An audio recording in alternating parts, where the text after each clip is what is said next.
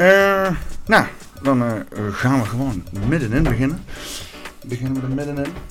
Uh, poppenkast nummer 108.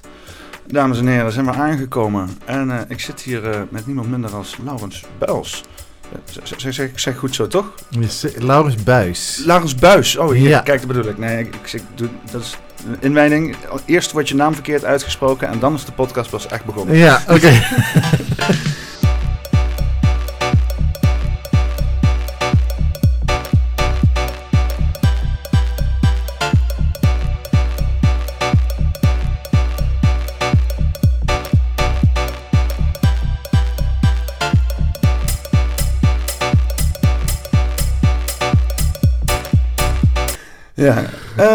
nou, helemaal hierheen gekomen. Uh, geen last gehad van stakingen? Niks aan de hand. Wonderbaarlijk. Dus Het universum is met je mee dan, denk ik. Ja, ik ging helemaal smooth hier naartoe. Ja. Mm, mm. Nou, um, ik heb een beetje in de gaten gehouden wat, er, uh, wat, uh, wat je allemaal is overkomen. En, en, en, en hoe dat allemaal een beetje naar buiten wordt gebracht en zo. En um, ja, zoals ik het dan zo samenvatten is dat... Uh, jij, hebt, uh, nou, jij hebt een, je bent, bent, doet sociologische studies, toch? Ja, op, op, op universitair niveau. Ja. En, nou, je bent, dus ik, ben, ik geef daar les en doe onderzoek, ja. ja. En je hebt daar onderzoek naar gedaan. En jij zegt, hé, hey, non-binair, dat is een, een beetje ja, niet definieerbaar. Dus kan je het niet echt hè, inschalen als een bepaalde gender. En nu, ja. en nu ben jij transfoob.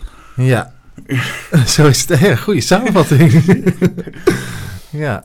Ja. Ehm, hoe kan dat, denk je? Ehm, nou, ik, ik, ja, ik denk dus dat we in een tijd leven van enorme vernauwing van het debat. Dat dat hele, die, ehm, die zorg die er leeft over woke, dat die heel erg terecht is. Eh, ik, wat ik zo opvallend vind aan mijn verhaal. Kijk, ik ben een UVA-docent. ik kom ook echt van de UVA. Mhm. De UVA is toch heel erg een, uh, zeker bij de sociale wetenschap, echt een links, links-progressief bolwerk. Dat ben ik zelf ook. Ik kom daar helemaal vandaan. dus het is niet zo dat ik nou hele radicale standpunten inneem op het gebied van gender of seksualiteit. Ik ben eigenlijk van een heel groot deel mee met die links-progressieve agenda. Maar ik heb ook uh, zorgen, vragen, twijfels. Het mag voor mij ook wel. Ik zie ook dat het doorslaat. Ik wil ook grenzen kunnen trekken en dat kan gewoon niet. Dus er is een bepaalde cultuur op die UvA onder medewerkers en studenten.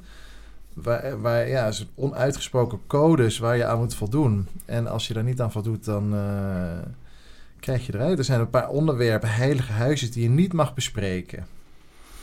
Nou, uh, welke dingen zijn onbespreekbaar momenteel? Nou, eh, best wel veel. Dus ik, ik, ik heb zelf, ik werk op het gebied van gender en seksualiteit. Nou, daar merk ik het gewoon heel erg. Um, dus um, dan gaat het over die, die, nou ja, die hele non-binaire beweging, die genderfluïde beweging. er zijn nu allemaal jongeren die zich identificeren als panseksueel, aseksueel, non-binair ik heb wel eens de vraag gesteld van, ook bijvoorbeeld over aseksueel, hebben we het nog niet eens over gehad op de UvA, maar ik heb wel eens de vraag gesteld, ja, is dat niet ook een, stoornis? Als je op een gegeven moment je seksualiteit niet kan ervaren, moeten we alles nou wel emanciperen? Of moeten we soms ook gewoon zeggen, ook het belang voor degene die daaronder lijdt, van god, misschien als je helemaal geen contact hebt met je seksualiteit, kunnen we toch eens kijken hoe we met professionals kunnen helpen om dat, contact te herstellen. En dat, dat mag allemaal niet gezegd worden. Er is een soort morus in dat genderdebat op de UvA van alles wat mensen zelf bedenken en wat zij als een identiteit aandragen, dat moeten we accepteren. En als jij daar vragen bij stelt, van god, ja, gaat het niet te ver? Of is het wel normaal om dit te emanciperen of te accepteren? Is het wel gezond? Is het wel goed voor de samenleving of voor die personen zelf? Dan uh, word je weggezet als uh, bigot, als... Uh, conservatief als slecht. Ja, want het, het, lijkt dat zeg maar niemand meer gelabeld mag worden met als een als, alsof het een, DSM-beschrijving is, ja. zeg maar. Wordt het bij, bij een soort van um, mentale aandoening emancipatiemachine of zo? Wat zeg je? Een mentale aandoening emancipatie. Ja, we moeten oppassen. We moeten oppassen dat het die kant niet opgaat. Hè? Dus we, we, er is, ik vind ook wel terecht hoor. Er is vanuit de sociologie al langer kritiek op die hele psychiatrie. Op de DSM en zo. Van god, kunnen we wel Hè, wat is eigenlijk eh, narcisme? Of wat is een... eh, eh, nou, al die psychologische, psychiatrische aandoeningen. Is dat nou wel... Wie bepaalt nou eigenlijk wie er gek is of wie normaal is? Dat is echt een sociologisch vraagstuk. En normen...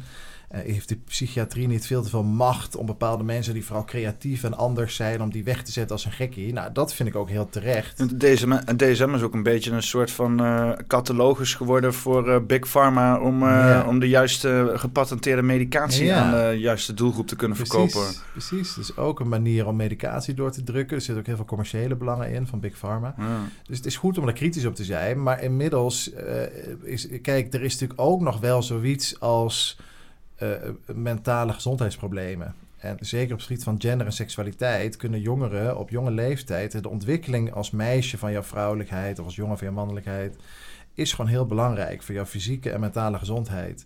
Als daar problemen ontstaan, bijvoorbeeld omdat je in de kast moet zitten of omdat je je iets is gebeurd waardoor je seksualiteit niet zo goed kan ontwikkelen, eh, dan is het heel belangrijk om, om die mensen te helpen. En wat, we nu, wat ik nu denk te zien, is dat veel van de jongeren die eigenlijk problemen hebben met hun mentale en fysieke gezondheid, dat die zich schuilhouden achter een categorie die geëmancipeerd moet worden. Terwijl, dat vind ik bij dat non-binair ook. Dat ik denk van, oeh, er zitten een hele hoop jongeren die ik kwetsbaar vind. Die volgens mij meer baat bij zouden hebben dat ze toch gewoon naar hun biologisch geslacht eigenlijk zich identificeren. Die een mannenlichaam hebben dat ze gewoon zichzelf een jongen kunnen noemen. En een meisje dat ze zichzelf een meisje kunnen noemen. En die dat niet durven of willen, omdat ze ook bang zijn om als vrouw of als man zich in de wereld te presenteren. Het is al bijna beledigend om je... Om, om, wat is een vrouw, weet je wel? Ja. Die, eh, die, die, eh, ik weet even niet hoe die heet. Matt Walsh. What is a woman? Ja. Waarbij eh, hij dus inderdaad bij alleen het stellen van die vraag al, al weerstand krijgt van mensen. Mensen die al helemaal van hun stoel afvallen van... "Ah, Ja. What is a woman? Yeah. It's Ja. a great question. It's a Ja. great question, weet je wel. Zo, Ja.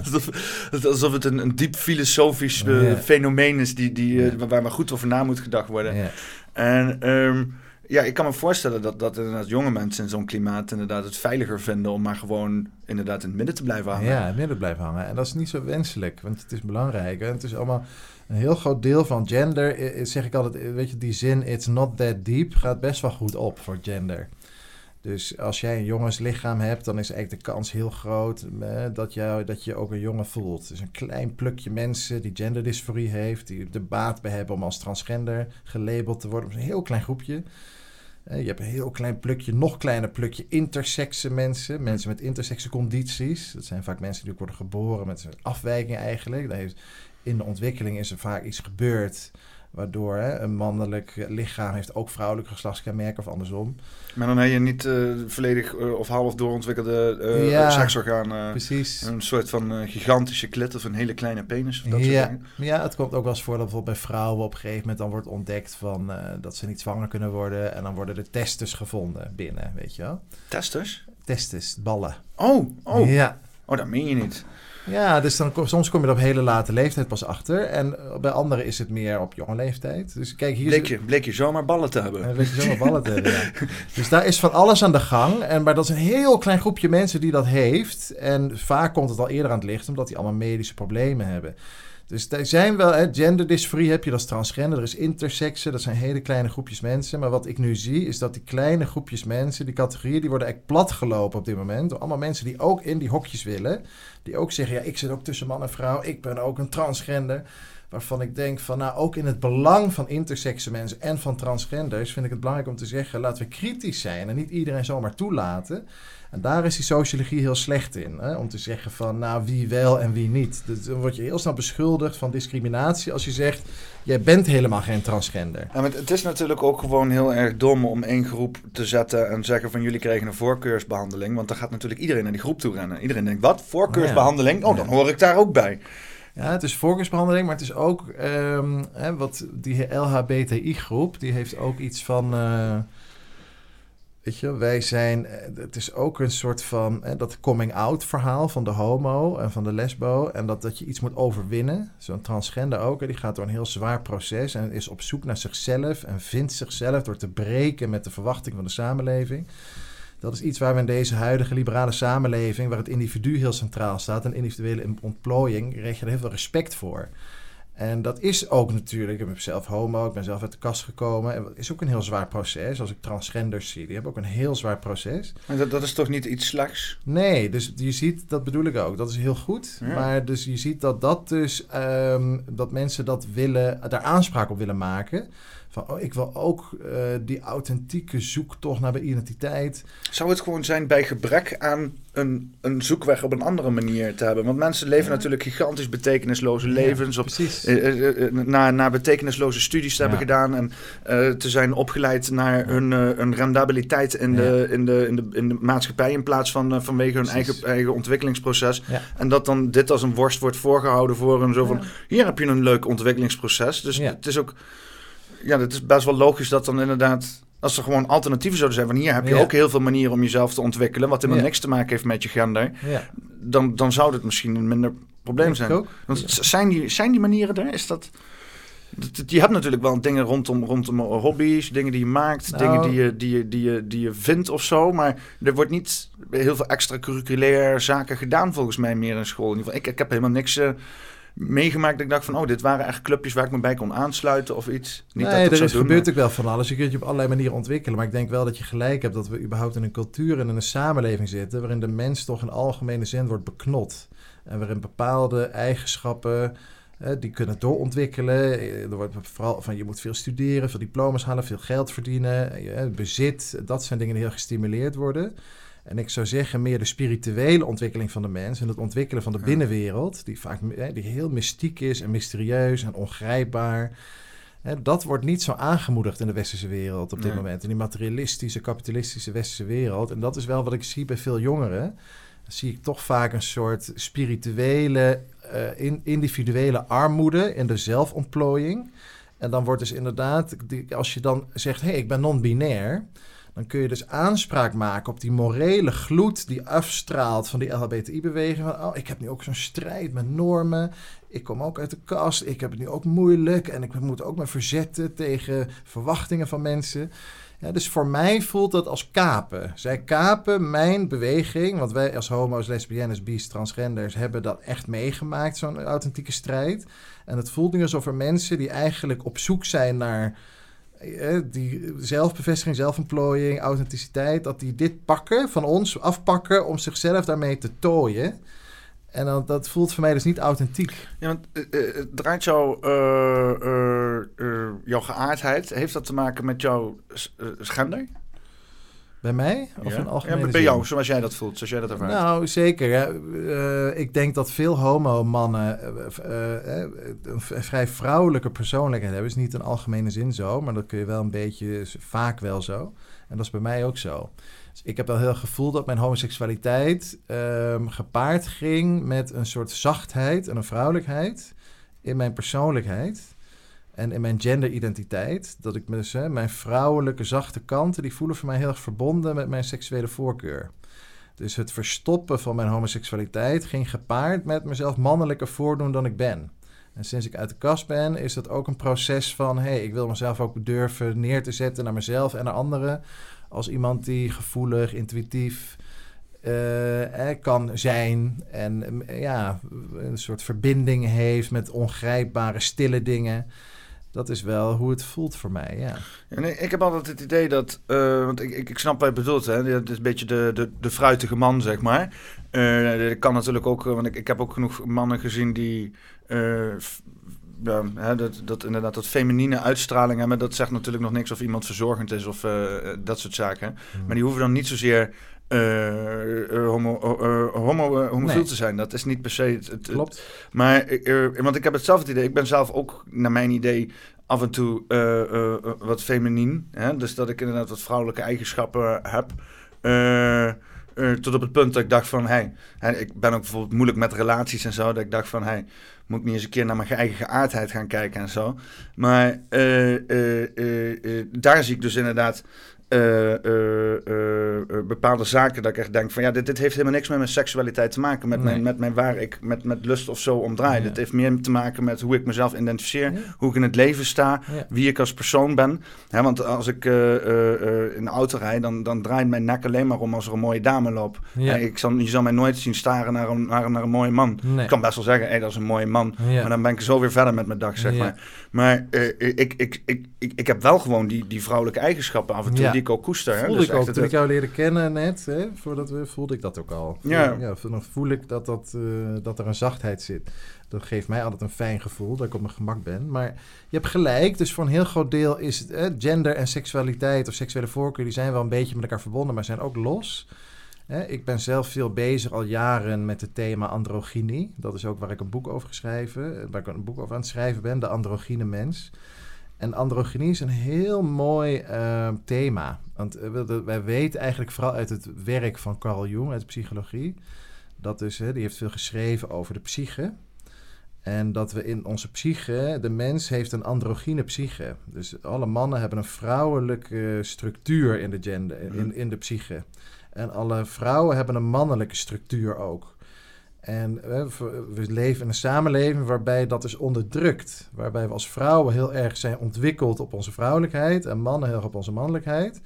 En ook als jij heteroman bent, dan heb je een vrouwelijke kant. En als je een hetero vrouw bent, heb je een mannelijke kant. En die is onderdrukt in de persoonlijkheid. En Jung heeft eigenlijk laten zien dat uit dat onderdrukken van die kant van de psyche dat dat dus heel gepaard gaat met uiteindelijk dat daar bijvoorbeeld neuroses en depressies en psychoses uit voortkomen. Ja. En psychoproblematiek. En dus eigenlijk doet Jung een pleidooi voor die mannelijkheid en die vrouwelijkheid. Die moet als een soort yin en yang in onszelf in balans worden gebracht. En daar ben ik dus veel mee bezig. En als je dat, dat ook doet, dat is via een proces wat Jung schaduwwerk noemde.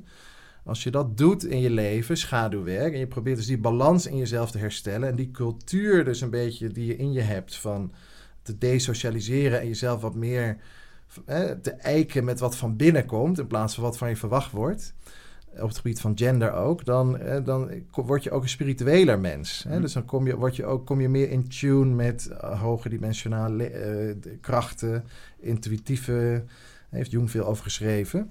Met God uiteindelijk ook. Hè? Dus dat is een, een spiritueel proces. En dat is dus ook iets waarvan ik vind... In de, op de UvA en in genderwetenschappen praten we hier heel weinig over. Wordt er eigenlijk bijna niet, of helemaal niet... wordt er vooral over gender gesproken als een identiteit. Als iets wat je bent naar de buitenwereld toe... en waar je moet claimen met een vlag en moet uitdragen... en anderen en stoer over moet doen of whatever... Maar er wordt dus niet over die innerlijke, meer stille zoektocht gesproken. Ja, die, die hele, dat hele spirituele, spirituele is natuurlijk eh, helemaal niet uh, wetenschappelijk uh, en zo, hè?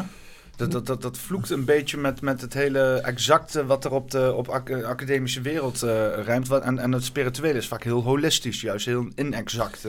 Ja, maar het is ook dus natuurlijk, dat het, laten we zeggen dat het vooral dus niet past bij hoe wij in onze samenleving wetenschap hebben gedefinieerd. Hmm. We hebben een heel eenzijdig idee van wetenschap, dat wetenschap van rationele, traceerbare kennis moet zijn. En dus inderdaad meer de ervaringskennis en de gevoelskennis wat ook een bron van kennis is, waar we toch ook veel over eh, gestructureerd over kunnen. Het heeft 10.000 jaar prima gewerkt en zo. Ja, weet je wel. ja. Nee, maar ik bijvoorbeeld ook disciplines zoals bijvoorbeeld, eh, wat ik zelf interessant vind, astrologie bijvoorbeeld. Wat toch hè, wordt in de, in de moderne wetenschap vaak weggezet als een pseudowetenschap. Nou, iemand die zich daar ook maar een beetje in verdiept, die weet dat dat niet zo is. Dat daar een hele grote rijkdom in zit in, in de astrologie maar dat is dus een andere vorm van kennis en een andere vorm van wetenschap. En die is door die moderne wetenschap wordt die buiten gehouden en als pseudowetenschap weggezet. En ik denk dus dat we toe moeten naar een nieuwe wetenschap. Overigens was dat ook zo hè? in de Vedische cultuur, de, Indische, de cultuur in India, waar uiteindelijk via de Grieken ook de westerse cultuur is van is afgestamd. Daarin was dus uh, religie en, en wetenschap waren samen. Spiritualiteit en wetenschap, dat was één instituut hoor je nu ook vaak. Grote wetenschappers, kijk ook bijvoorbeeld naar Einstein of Newton, ook in de natuurwetenschappen. Die zeg, geven ook allemaal aan dat hun grote wetenschappelijke doorbraken vaak gepaard gingen met spirituele inzichten. Ah, ah. dus het, is, het is ook een fopscheiding wat we nu maken, wetenschap en spiritualiteit. Dus ook gewoon interessant om weer over na te denken, hoe kunnen we dat samenbrengen? En ik denk dus omdat we in een wereld leven waarin dat niet gebeurt, die westerse wereld is gewoon heel cool overwegend mannelijke waarden zijn dominant. Rationaliteit, heel veel in het hoofd. Heel veel mensen zitten vast in hun hoofd. Hè. Ze zijn heel gaan het denken. Hebben een heel primitieve relatie met hun emoties en hun intuïtie. Nou, en dat, dat zie ik allemaal als een voedingsbodem voor van die ontspoorde emancipatiebewegingen. Dat die jongeren gewoon niet meer weten hoe ze zingeving moeten vinden, hoe ze zichzelf moeten ontplooien. En dan gaan grijpen naar waanzin, zoals non-binair. Ja, dat is wel, dat is wel leuk te zeggen. ik ben ook wel een beetje om een spirituele openbaring gekomen de afgelopen eh, twee jaar. Een beetje ook tijdens deze podcast en zo, door gewoon heel veel te praten. Ja. En uh, waarbij eigenlijk toch wel de conclusie is dat ik gewoon inderdaad alles probeerde uit te denken, te rationaliseren. En van, van maar de, hoe, waarom, waarom kan ik hier niet, hè, kan ik mezelf hier niet uitdenken? Ja. En uh, dat kwam dus al heel snel, kwam ik al op een punt dat mensen een paar mensen tegen me hebben gezegd van je moet echt vanuit je hart werken. Hè? Hoe voelt het? Hè? Probeer het niet te verwoorden, maar probeer gewoon in het moment te zijn en proberen te voelen en, en, en, en vanuit daar gewoon actie te ondernemen zonder te veel het te proberen te rationaliseren. En dat, uh, ik, ik, ik ben daar nu al een hele tijd heel comfortabel mee. En er gebeuren ook gewoon hele leuke, wonder, dingen. Ja. En bovenop als je inderdaad ook een beetje bezig bent met manifesteren, wat in mijn geval ook een beetje een soort van therapeutische werking heeft, om mhm. gewoon mijn hoofd in een plek te houden dat ik niet allerlei destructieve gedachten heb en waar ik in verdwijn, weet je, onzekerheid en dat soort zaken. Mhm. Kan ik dit wel? Gaan mensen niet over me denken en zo. Nou, dan even een beetje, een beetje mindfulness eroverheen en dan kom je weer in een plek waarbij je gewoon moed kan tonen en, uh, en gewoon... Uh, ja, dat is een. Oh, ja, ja. uh, Wil je ook wat water? Ja, ja, doe maar lekker. Ben jij de gast hier? Eh, hier zo. Ja, ja, waar je wat moed moet tonen. Ja, ga door. Maar uh, uh, ja, dat het dus toch ook een, een, een spirituele beleving is... die mij inderdaad een vervulling geeft en ook een stukje identiteit. Ja. en dat, dat, dat is inderdaad iets wat ik nergens... Want ik, ik heb dat alleen maar afgeraden gekregen. Alles om me heen, alles op tv. Zelfs als ik nu ook bijvoorbeeld naar bijvoorbeeld zo'n Lubach kijk en zo... dan is het al die uh, um, um, inderdaad onzekerheden. Dingetjes die misschien net buiten de maatschappij liggen. Mensen die de bal hebben getoond om eens iets anders te doen. Die worden dan volledig afgebashed. En, en, en, en gezegd van dit is raar. En we zijn op een of andere manier... Of misschien is het ook Nederlands hoor. Want Nederlands is toch ook doe maar normaal en dan doe je al gek genoeg. Ja. Uh, is, dat niet, is het niet gewoon iets wat ook echt heel erg hier in Nederland een, een, een cultuurding is? Ja, kijk, ik als wetenschapper heb mij hier heel veel mee bezig gehouden. Dus kijk, die hoofdige westerse cultuur, die zo is afgesloten van het hart en van emoties, die komt, hè, dat is echt wat we noemen dus de patriarchale samenleving. Het woord patriarchaat wordt heel erg misbruikt, dus mensen weten vaak nu niet meer zo goed wat dat nog betekent. Maar als je daar goed wetenschappelijk naar kijkt, dan zie je dat dat een cultuur is die 12.000 jaar geleden is ontstaan op aarde.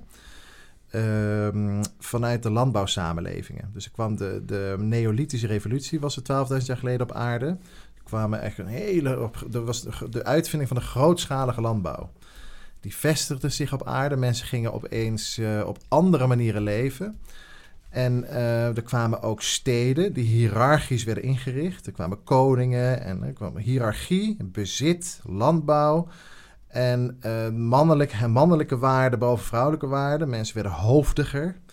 Dat is een ontwikkeling die is geweest en die zich eigenlijk over de hele wereld heeft uitgespreid. Vanaf Mesopotamië, maar eh, wat eigenlijk nu Irak, Iran is, daar is lijkt het allemaal een beetje begonnen. Maar het is vooral hier in het Westen heel erg dominant zich gaan vestigen de, de afgelopen millennia. En we hebben hier dus, een, ook als je kijkt, de mens is 300.000 jaar op aarde, voor zover we weten. Misschien wel langer, misschien 400.000, 500.000 jaar uh, mensachtige leven al anderhalf miljoen jaar op aarde. En wat we, eigenlijk, waar, wat we zien is dat die mensachtige en de mensen, die hebben eigenlijk uh, al die tijd waarschijnlijk veel meer vanuit het hart en vanuit intuïtie geleefd. En dus we hebben heel recent, 12.000 jaar lijkt lang, maar als je dat in de lange evolutie ziet, is dat een hele korte periode. Waarin er dus uh, een cultuur is ontstaan die we nu als heel normaal zien, maar die extreem hoofdig is. En die ook niet zo goed past bij wat ik altijd noem de kern van de mens. Zoals we evolutionair zijn ontwikkeld. We zijn een uitzonderlijk zachte en gevoelige diersoort. dus heeft de mens is echt daarop is evolutie druk gekomen. We zijn uit die evolutie binnen onze tak van de evolutionaire boom als winnaar uit de bus gekomen omdat uh, mannen en vrouwen naar elkaar toe groeiden qua waarden. En mannelijke, mannen gingen vrouwelijke waarden in de persoonlijkheid integreren. Vrouwen gingen mannelijke waarden in de persoonlijkheid integreren. Gevoeligheid, samenwerking, empathie. Dat waren allemaal hele belangrijke waarden hmm. voor de mens. En we hebben nu een samenleving gebouwd die daar uh, wat los van staat. Die daar is van losgeweekt. En je zou kunnen zeggen dat dat de mens eigenlijk narcistischer heeft gemaakt. Meer op het ego, meer op het materie, meer op macht meer op naar beneden trappen en omhoog likken. Dat is, dat is allemaal de... Is komt het niet allemaal voort uit schaarste denken? Op het moment dat we inderdaad hekjes zijn gaan zetten en spullen gaan hebben, dan zijn we allemaal maar gewoon panisch geworden dat iemand anders het komt halen. Het heeft te maken met schaarste, met bezit en met angst. Dus wat we weten is dat die patriarchale samenleving 12.000 jaar geleden is dus waarschijnlijk begonnen, oh, dat weten we nu steeds beter. Het was dan ook dus die, uh, die, uh, dat er een grote komeetinslag was. Mm. Ehm, de, grootste waarschijnlijk dus sinds de, sinds de inslag die de dinosauriërs van de aarde heeft geveegd. Dus het was 12.000 jaar geleden een hele grote inslag, waarschijnlijk meerdere, verspreid over een aantal weken. Uh, dus dat heeft dat Atlantis de nek om gedaan? Ja, dus dit is wat Graham Hancock zegt hè, in die documentaire. Dat is dus heel grappig. De Ancient ja, Apocalypse. Apocalypse. Het zijn dus allemaal eh, theorieën die hij dus wil normaliseren. Wat interessant is om goed naar te kijken, dat is voor die komeetinslag dat mensen hele grote beschavingen hadden die meer matriarchaal waren ingericht. Vanuit intuïtie en emotie en het hart. En daarvan wordt dus vaak gezegd, misschien is dat Atlantis. Hè, dat die verhalen die door onder andere Plato zijn overgeleverd, dat die echt waar zijn geweest. Dat zou best kunnen. Dat is in ieder geval de theorie die hij wil, eh, naar voren wil brengen. Het is, het is in ieder geval zo dat die komeetinslag is, daar is heel veel bewijs voor, dat er een hele grote komeetinslag is geweest. Waarschijnlijk meerdere, verspreid op een aantal weken of dagen. En dat dat de mensheid bijna helemaal heeft uitgeroeid. Dat er een paar mensen zijn overgebleven. Dat die na die inslagen op een aarde rondliepen die totaal uit balans was. Ja en helemaal verwoest was. Alleen nog maar vanuit grotten en bergtoppen ja, opereerde en zo. Inderdaad, en grotten terugtrekken, bergtoppen. En toen vanuit die extreme omstandigheden zijn we in een soort angst gegrepen. In een angstgreep gekomen. En dan wat mensen doen vanuit angst en shock is dus dan krijg je die behoefte aan controle en hiërarchie. Dus er zijn mensen hiërarchieën gaan bouwen. En op het moment dat er een hiërarchie is, heb je ook meer focus op bezit. Dit is voor mij, dat is voor jou. Hokjes, grenzen. En dan komt soort die overlevingsstand van de mens gaat aan. En dat is, dat is de besloten geest, hè? dat is dat reptiele brein, gaat dan aan, die dan heel erg gericht is op overleving. Terwijl de meer vrije geest van de mens, die open vrije geest, die vanuit compassie en het hart en vanuit geduld en lange termijn denken, die gaat dan op slot. Dus dan komt er dat korte termijn denken. En je zou kunnen zeggen dat dat dus het fundament is nog steeds van onze cultuur.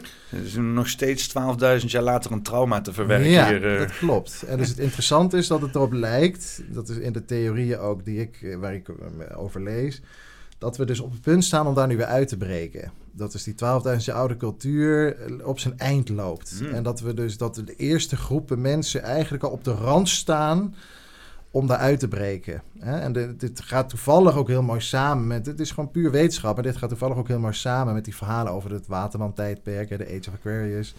En dus een nieuwe tijd, dat er nieuwe mensen komen die weer meer vanuit het hart gaan leven, vanuit de liefde dat, en compassie. Is dat toevallig? nou, ik geloof dus van niet. Ik denk dat we in een heel mystiek, mysterieus universum leven, waarin alles heel cyclisch gaat, waarin bepaalde dingen komen en gaan en waarin we eigenlijk een beetje als een soort pendulum met energieën worden, uit het universum worden meegeslingerd. En ik denk dus dat het wel klopt dat er gewoon hele grote krachten op aarde bezig zijn, die soms de mens meer richting mannelijke energie duwen en dan weer meer richting vrouwelijke energie.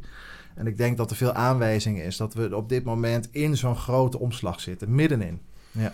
Ja, want zoals ik het had gehoord, is dat we zeg maar uit een, dus inderdaad een voornamelijk dominant mannelijke energie komen van een cyclus van 1100 jaar voorgaand uit een voor, voornamelijk dominant vrouwelijke energie. En dat we nu in een tijdperk van het kind gaan. Wat, wat, is, heb, ik dat, uh, heb je dat ook zo gehoord of iets gelezen? Nee, het tijdperk van het kind uh, heb ik niet van gehoord. Niet. Dus dan, dan, dan in, in jouw beleving zou je dan weer terug moeten gaan naar vrouw dan, zeg maar. Een vrouwelijke, meer nou, dominant vrouwelijke energie. Nee, dat is niet uh, wat, er, wat er nu... Dus het Wordt eigenlijk in de Jungiaanse psychologie, wat voor mij. Hè, dus Jung is voor mij degene die wetenschap met spiritualiteit heeft verbonden. Op, de, op, een manier die ik heel overtuigend vind. Dus daar kan ik me als wetenschapper toe verhouden. En dat is ook de spiritualiteit die ik begrijp. Hmm.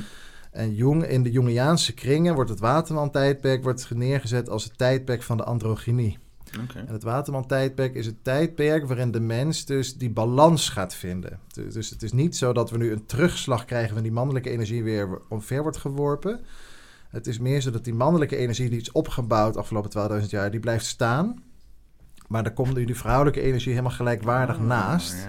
Dus we worden echt, we gaan op twee benen staan. Dat is een hele grote stap in de spirituele evolutie van de mens. Waarin de mens dus uh, ja, andro, een androgyne kern. Hè? Dus we hebben als mensen die twee energieën in ons. Alle mannen hebben toegang tot vrouwelijke energie. Alle vrouwen hebben toegang tot mannelijke energie. Dat maakt ons als mensen zo anders dan andere dieren. Hm. We zijn heel androgyn. En dus we kunnen in principe die twee kanten in ons verenigen. En daar lijkt het nu een beetje naartoe te gaan. Oké. Ja, dat is interessant is dat. Ja. Um, uh, ik wil eens wat weten of, of wat, wat, is, wat houdt jou, uh, wat, wat, waar ben je nou precies op, uh, hoe noem je dat ook weer? gepromoveerd. gepromoveerd ja, ik, ik ben, nog bezig. zo van de titeltjes en zo. En, ik ben nog bezig met mijn proefschrift. Ik heb een hele moeilijke, atypische weg op de universiteit afgelegd.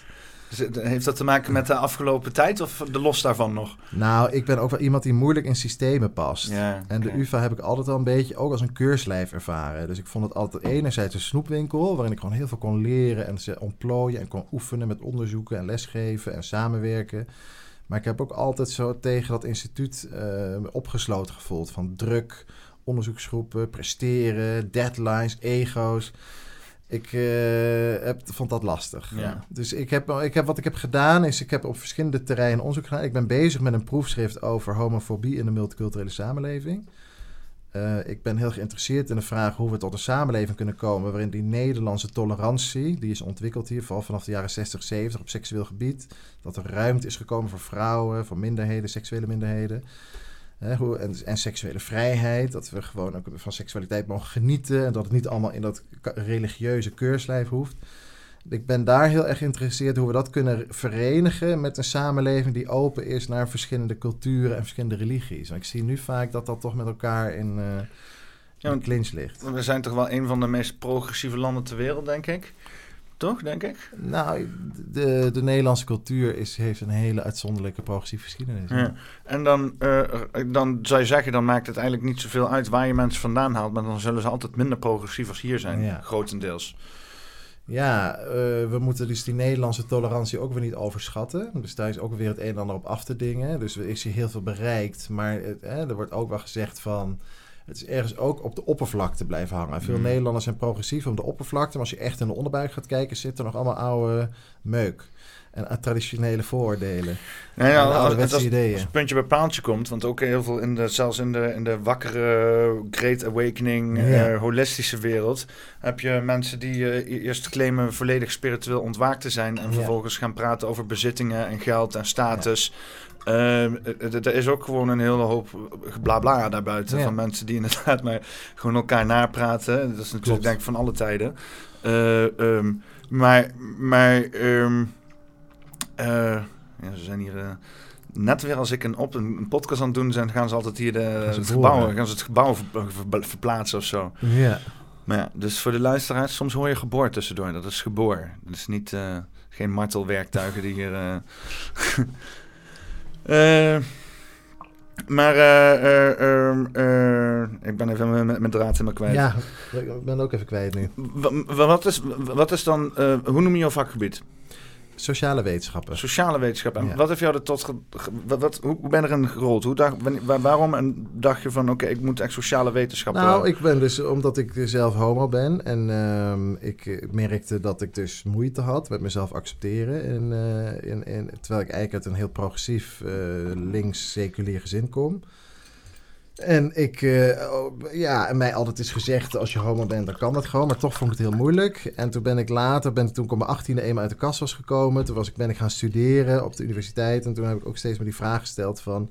Hoe kan het nou dat zelfs ik, als een witte jongen uit een middenklasse gezin in Nederland... dat ik het zo moeilijk vind om... Uh, om, uh, om mezelf te zijn en om mijn homoseksualiteit te omarmen. Dus vanuit dit, dat vraagstuk ben ik bezig gegaan met wat zijn eigenlijk normen? Hoe ben ik toch door normen eh, gesocialiseerd? Ik ben ook veel gaan nadenken toen over Nederlandse cultuur. Van, god, Nederland wordt, staat zo bekend als tolerant en progressief, maar waarom vond ik het dan toch zo moeilijk? Ik kom toch niet uit een conservatief moslimgezin in Nederland, maar een tegenovergestelde. Dus waarom vond zelfs ik het dan toch moeilijk? Is die Nederlandse cultuur dan wel zo tolerant? Wat is eigenlijk cultuur? Dus vanuit dat soort vragen ben ik toen naar de universiteit gegaan en dan ben ik, uh, heb ik me daarmee bezig gaan houden. Dus echt, echt vanuit een persoonlijke drang, zeg maar. Ja, dat is bij mij heel sterk. Er is een heel duidelijke link tussen mijn persoonlijke wil om te weten waar mijn eigen strijd vandaan komt. De, uh, en uh, hè, de, is, dat, is dat voortgekomen, ja. Ja, want uh,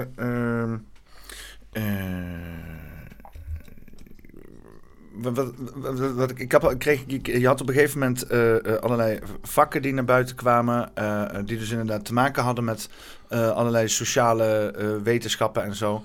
Um, waarvan eerst een beetje ook de draak mee werd gestoken. Hè? Dat je dus inderdaad, ik, ik, weet niet precies of dat voor, dit geval, maar je, hoorde op een gegeven moment uh, uh, uh, gewoon inderdaad genderwetenschappen of iets dergelijks in die trant.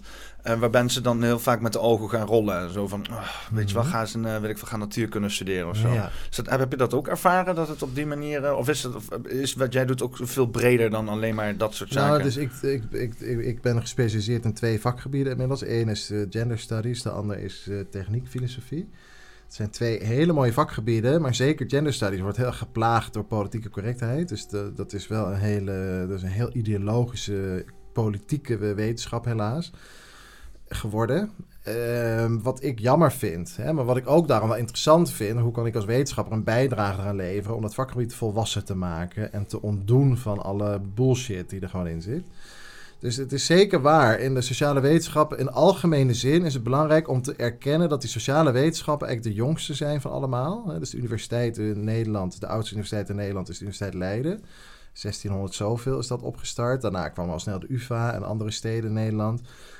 Uh, maar uh, die, dus dat is eigenlijk allemaal begonnen rondom van die traditionele natuurwetenschappelijke vakgebieden, zoals biologie, en natuurkunde en sterrenkunde. En dat waren eigenlijk gewoon de eerste grote vakgebieden. En um, er kwam ook al snel rechten bij hè? en de literatuurwetenschappen, dus wat meer de intellectuele mensen. De sociale wetenschap is eigenlijk pas gekomen rond 1960 dat dat echt breed op universiteiten uh, als faculteit werd ingericht en studies werden gemaakt. Het is een hele jonge wetenschap daardoor ook zo onvolwassen nog. Dus er is daardoor, en ook omdat de sociaal wetenschappers niet naar moleculen kijken, die je best wel als los kan zien van mensen, waar niet zoveel emoties bij zitten. Wij kijken wij ook nog eens een keer naar onze eigen cultuur en onze eigen persoonlijkheden, onze eigen gedragingen en emoties. Dus daarom zitten we ook heel snel, kan het dus politiek worden en emotioneel en gevoelig. Dus het had sowieso al die vatbaarheid om, om heel politiek te gaan worden. Ik ja. vroeg me al af van, wanneer is dit en waarom is dit dan zo gepolitiseerd? Ja, dus die wetenschap die al juist omdat het dus zo dicht bij onszelf komt, die sociale wetenschap, omdat we eigenlijk naar onszelf kijken, ons eigen sociale gedrag, is er dat risico heel erg dat het dus zo gekleurd wordt. Maar eh, er zijn inmiddels wel goede oplossingen voor bedacht. Er zijn in de sociale wetenschappen echt, zeker de afgelopen twintig jaar revolutionaire inzichten gekomen. Dus echt, eh, dat, dat vakgebied staat op het punt om volwassen te worden. Maar eh, heel veel vakgebieden uh, uh, zitten nog in die eerste fase hè, binnen de sociale wetenschappen. En dat is bij gender studies ook zo. Dus die is in het, is een kleutertje die aan het volwassen worden is, maar die nog allemaal ja, hele onvolwassen eigenschappen met zich meedraagt. Dus dat moet je eigenlijk zo zien. Dat, dat die sociale wetenschappen die komen er wel. Maar uh, die zijn nog te jong op dit moment. En maken daar heel veel fouten en zitten te worstelen met allemaal fundamentele vragen. Ja, ik, ik, zat, uh, ik zat laatst zat ik dus uh, iets op te zoeken met, met wat maat in de Discord. ook naar aanleiding van, van, van jouw gesprekken en zo. En toen kwamen we zeg maar op, op de grondlegger uit van, van, van, of een van de grondlegger uit van genderwetenschappers. En het was een relatief controversieel figuur. Of in ieder geval, daar leek het op als je, als je op uh, Wikipedia dat terugkijkt. Wie was dat? Ja, dus, dus uh, even kijken. Ik, moet dat, ik zit, tijdens dat ik dit zeg, zit ik te bedenken hoe ga ik dit opzoeken in godsnaam. Maar, um,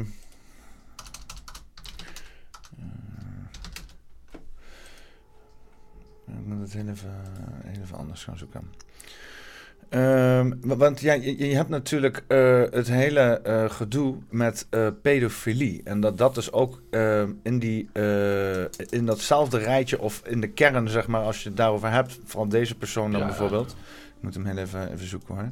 We hadden met Discord eh, eh, erbij, gingen we de forumaflevering van jou eh, terugkijken. Leuk. oh, we hebben gelachen om het hoofd van hem, jongen, van, hoe heet het ook weer, van Ralf. ja, Ralf Dekker. Ralf Dekker, die zat met een partij bekken te trekken naar Ja. jou. Die had er helemaal geen zin in om over gender te praten. Nee, nee. Thierry trouwens ook, joh. Die zat er ook aan Nee. te kijken van, ah, moet dit serieus? Ja. Ja, ja, dat is toch niet helemaal... eh, Nee, dat ze straatje. niks. Nee. ja. Ehm, even kijken. Ja, hier, Alfred Kinsey inderdaad. Oh ja, Kinsey. Ja, dat is een grote seksuoloog uit Eh. Amerika. Even kijken, Wikipedia. Eh, ja. Eh, Alfred Kinsey. En dat is ook volgens mij waarom dit de hele tijd wordt opgepakt door echt toch wel de vreemd, de, de, de wat meer extreem rechtse. Waarom... altijd als ik zoek op, eh, ja, als ik zoek op Wikipedia zelf, dat is mo- moeilijk. Eh, als je dus inderdaad eh, vaak wel eens gaat, gaat zoeken naar allerlei origineverhalen en waar dat dan vandaan komt, dan kom je ook altijd en vooral vroeger op mensen uit die hier voorstander van eugenetica, Ah ja. sponsor in de Rockefeller Ah Foundation. ja. Eh, wat hebben we nog meer? Eh, even kijken, inderdaad. even kijken, wat was het nou weer? Eh, gedrag eh, kwam op een gegeven moment ook uit dat hij. Hij stond dus inderdaad aan de wieg van de seksuele revolutie. Dus was een van de eerste mensen die daar eh, ook overheen heeft gebogen. Ehm, en eh, ik kon even dit stuk wat ik. Want er stond op een gegeven moment dus ook, was ook eens inderdaad de voorstander van eigenlijk alle zaken die. alle controversiële zaken die, die daar buiten hangen. En dan ook inderdaad pedofilie. Waar hij dus ook zich voor uitsprak. En dat zijn dus allemaal van die, van die momenten dat, waar dan inderdaad rechts zich daarop vasthaakt. En die zegt, hier, zie je nou wel. Want je ziet dat ook wat, wat, wat Rusland dan altijd doet. Hè? Die kijkt naar ons en die zegt, oh, kijk daar, al die homo's. Dat Beetje, beetje, zooitje, be- ja. beetje, beetje aan kinderen zitten de hele tijd. Ja. Eh, dat narratief, dat, Ja. dat, dat, hoe, hoe sta jij daar tegenover? Is dat iets waar je, waar je bijvoorbeeld dan ook kritiek hebt naar binnen van... oh, dit zijn inderdaad wel controversiële dingen? Of kijk, wordt hier gewoon heel verkeerd tegenaan gekeken? Hoe zit dat? Ik, weet zelf ook is- niet precies wat ik ervan moet vinden, zeg nee, maar. dat is heel belangrijk om hier kritisch tegenaan te kijken. Kijk, op een gegeven moment, wat er is gebeurd in het begin van die seksuele eh, seksuologie en de gender, seksualiteit en genderstudies, eh, was eigenlijk dat, dat die seksualiteit, die is soort door, door meerdere vroege denkers, is dat gewoon heel radicaal opengegooid. En is eigenlijk gezegd van, nou, we leven in een samenleving die, waarin we op een bepaalde manier moeten zijn en waarin we worden gedisciplineerd. Maar vaak was toch het idee van ook van onder andere dit soort van die Kinsey, van ja, de mens is toch deep down een wild beest en die seksualiteit is gewoon niet te temmen, die is er gewoon.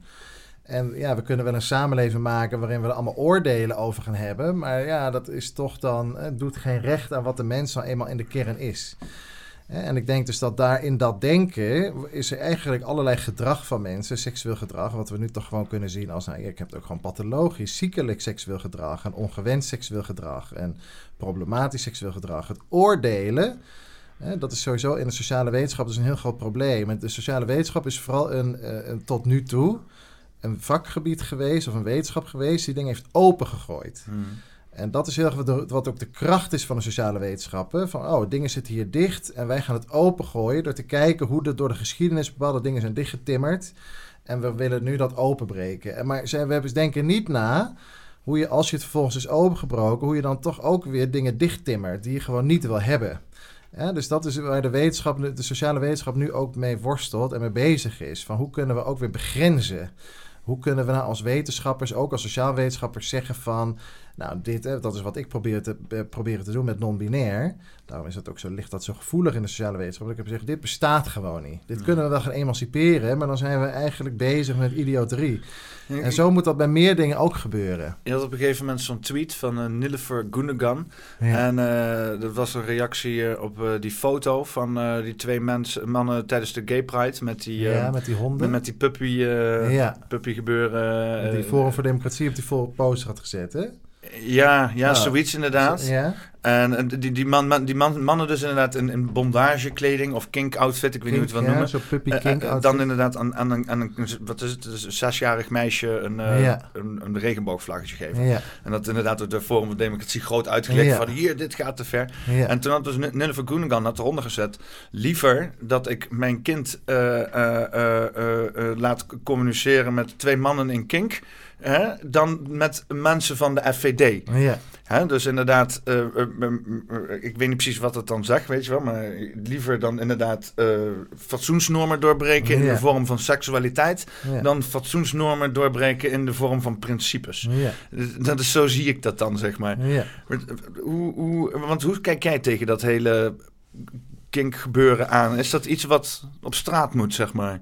Nee, ik denk dat we dat. Ik denk dat we dat belangrijk is om daar heel goed over na te denken. Ik vond dat. Ik vind die foto van die, eh die fetish foto met die twee puppies met zo'n kindje.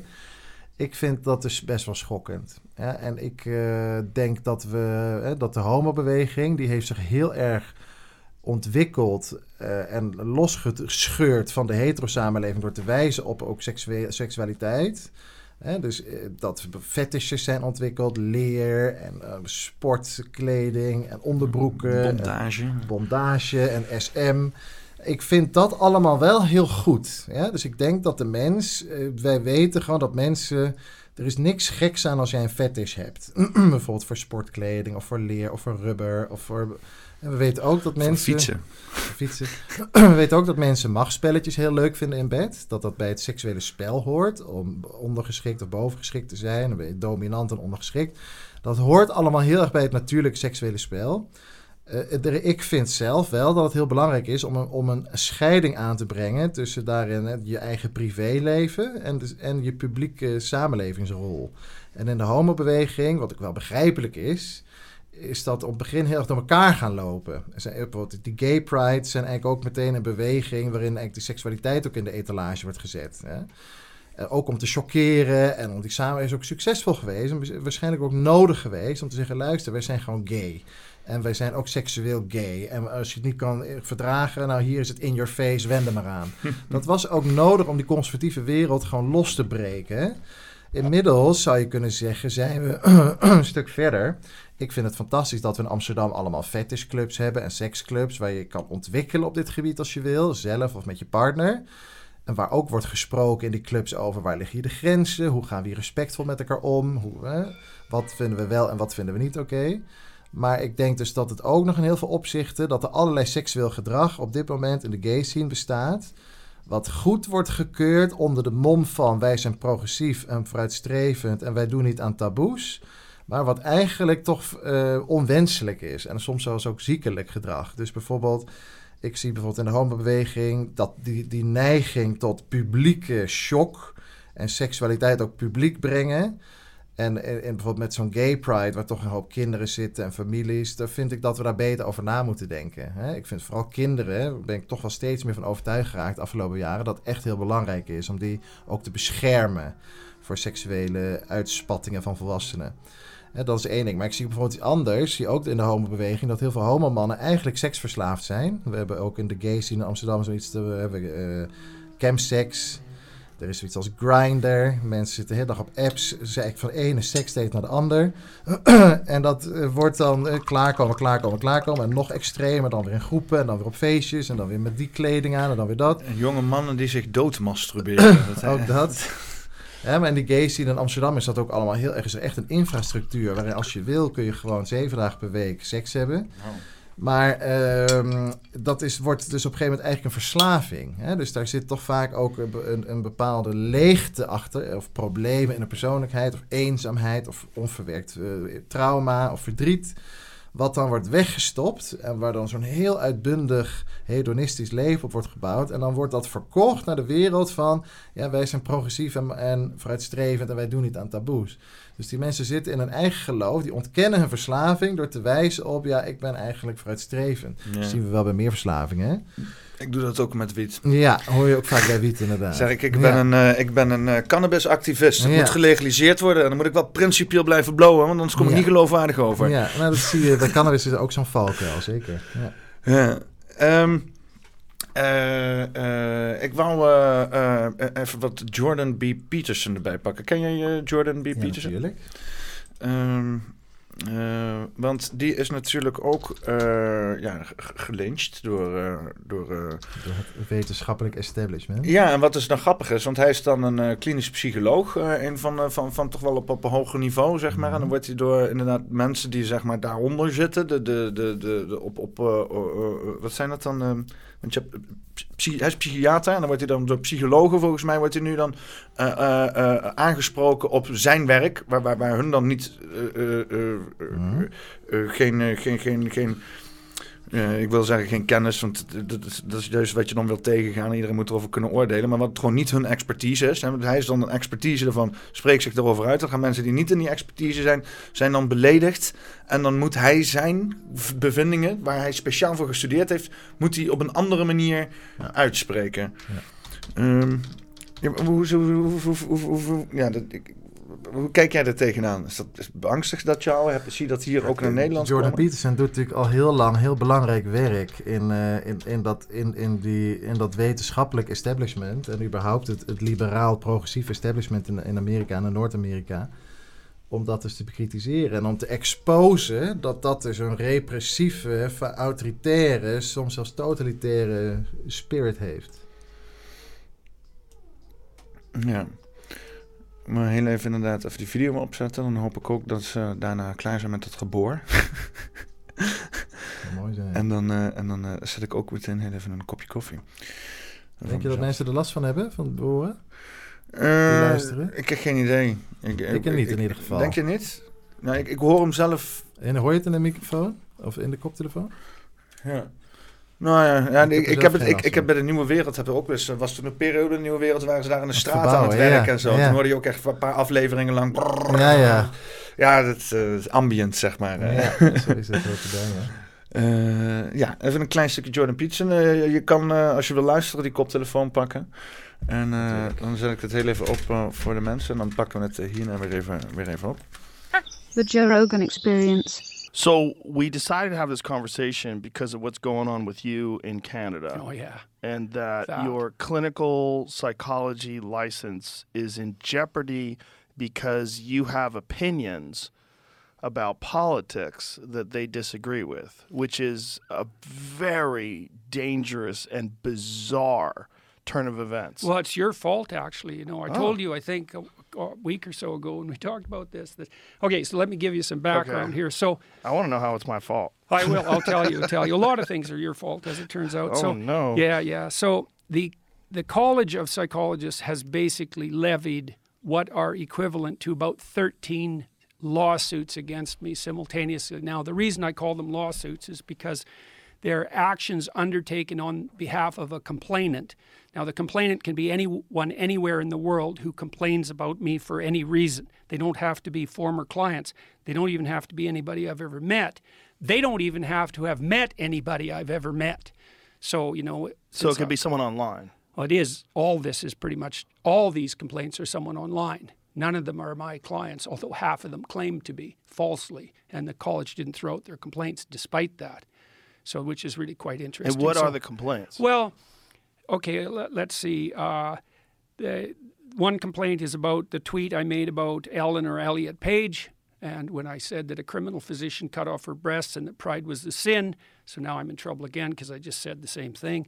One was about uh, Sports Illustrated cover where that Yeah. featured that overweight model, and I tweeted out "not beautiful," and um, I guess that was something like fat shaming. I don't remember exactly what the what the what the charge was.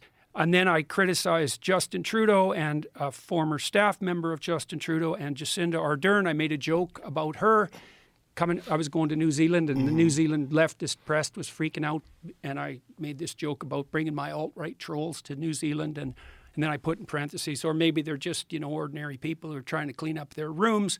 So apparently that was casting the profession into disgrace. And then they submitted one complainant from the U.S. submitted the entire transcript of our last discussion.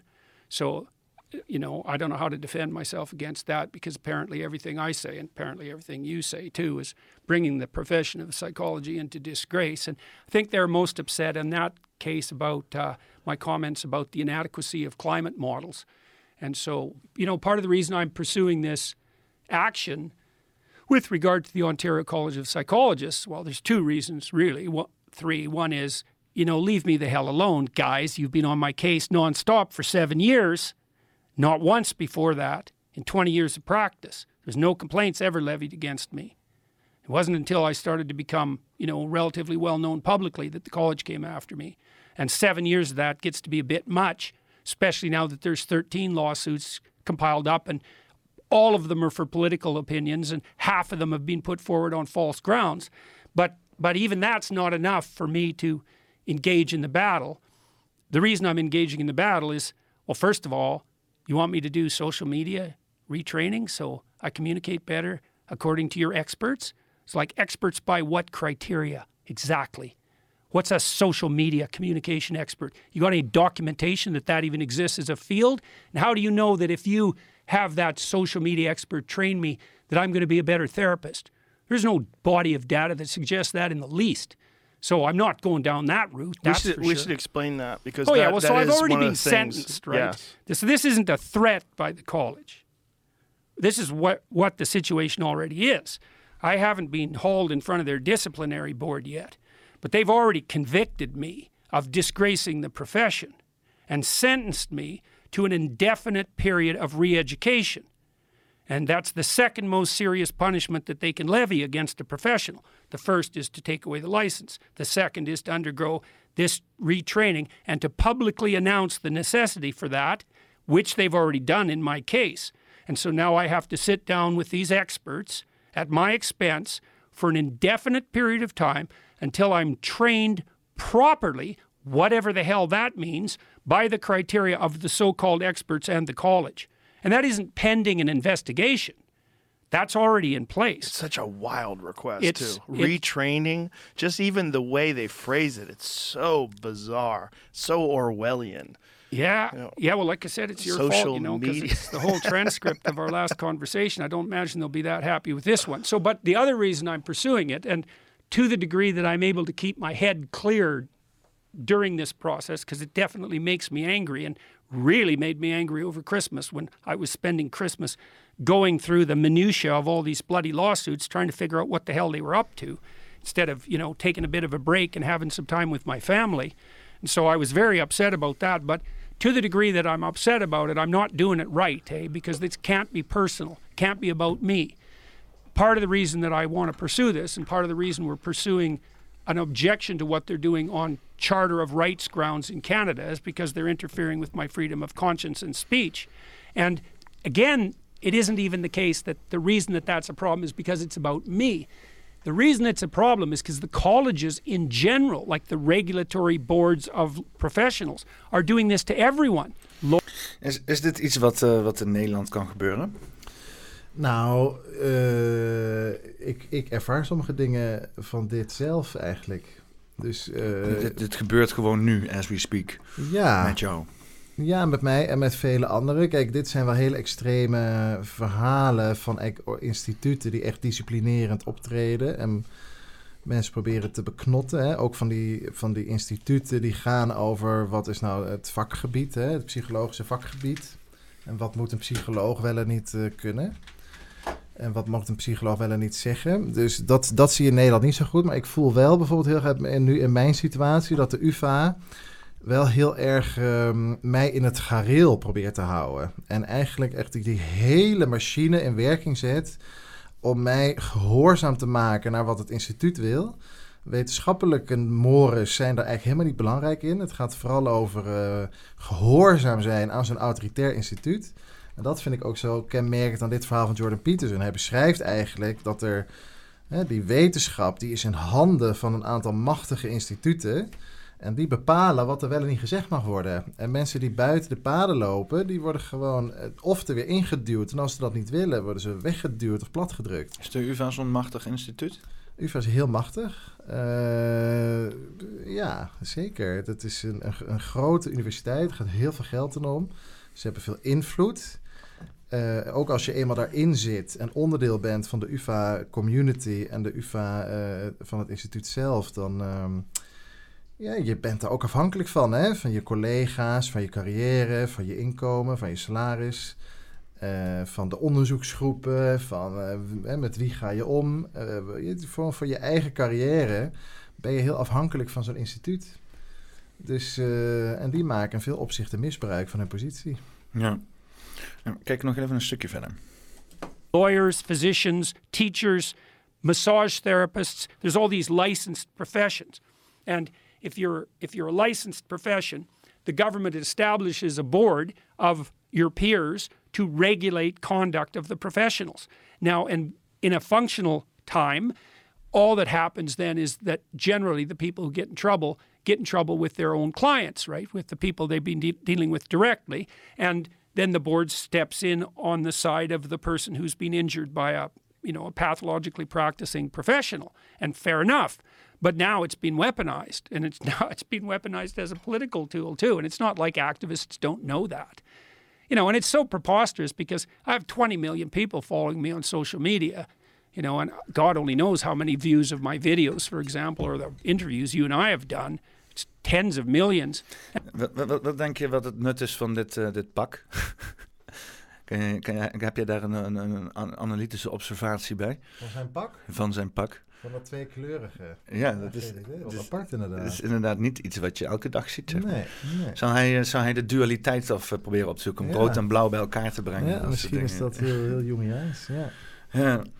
Ehm, nou, ik- vind het sowieso gewoon echt heel mooi wat je doet. Want het is eh, ook op een moment dat, dat, het, dat het lijkt wel echt eh, het meest nodig te zijn of zo. Dat er dus een, een, een brug wordt geslagen tussen die extremen. Wat, wat eh dingetje van Point ook zei. Gewoon dat je hebt die twee extremen die met elkaar aan het bikkeren zijn. En iedereen die daartussen zit. En die, die, die, want zo voel ik me ook af en toe. Weet je, ik probeer dan de redelijkheid op te zoeken. Zo van, ja, maar we zijn allemaal mensen. En dan is het zo, hoe durf je hun mensen te noemen, weet je wel. Het is, het is, die, die, die twee punt, mensen, die twee standpunten, eh, standpunthoudende groepen aan het eind van het spectrum allebei, die zijn zo fanatiek momenteel, dat, dat, dat je er gewoon niks over kan zeggen. Alleen maar dan eens zijn met elkaar. En dan is het dus heel belangrijk dat er gewoon eens inderdaad mensen komen, eh, zoals jou, die inderdaad vooral ook naar rechts een hand uitreiken en zeggen van, hé, hey, luister, ik ben helemaal niet rechts, maar we hebben best wel veel gemeen met elkaar. ja. Hoe, hoe gaat het je nu zo af, zeg maar? Is het niet zeg maar een soort van, eh, hoe noem je dat nou, een, ehm, een, eh, een, eh, een geluk bij een ongeluk? Eh, dat dit gebeurd is. Ja, zo op deze manier. Nou, misschien wel. Ik geloof in ieder geval wel in dat dit soort dingen ook wel moeten gebeuren. Maar het is niet echt leuk. Dus ik vind vooral de ervaring van dat uitgesloten worden op de UvA... en, en die machine tegen je krijgen... omdat je gewoon iets zegt wat je echt vindt. Dat is gewoon echt niet leuk. Dus daar komt veel. Hè. Ik denk dat mensen hebben altijd de behoefte om bij een groep te willen horen. Dat is een heel fundamentele, hele diepe behoefte.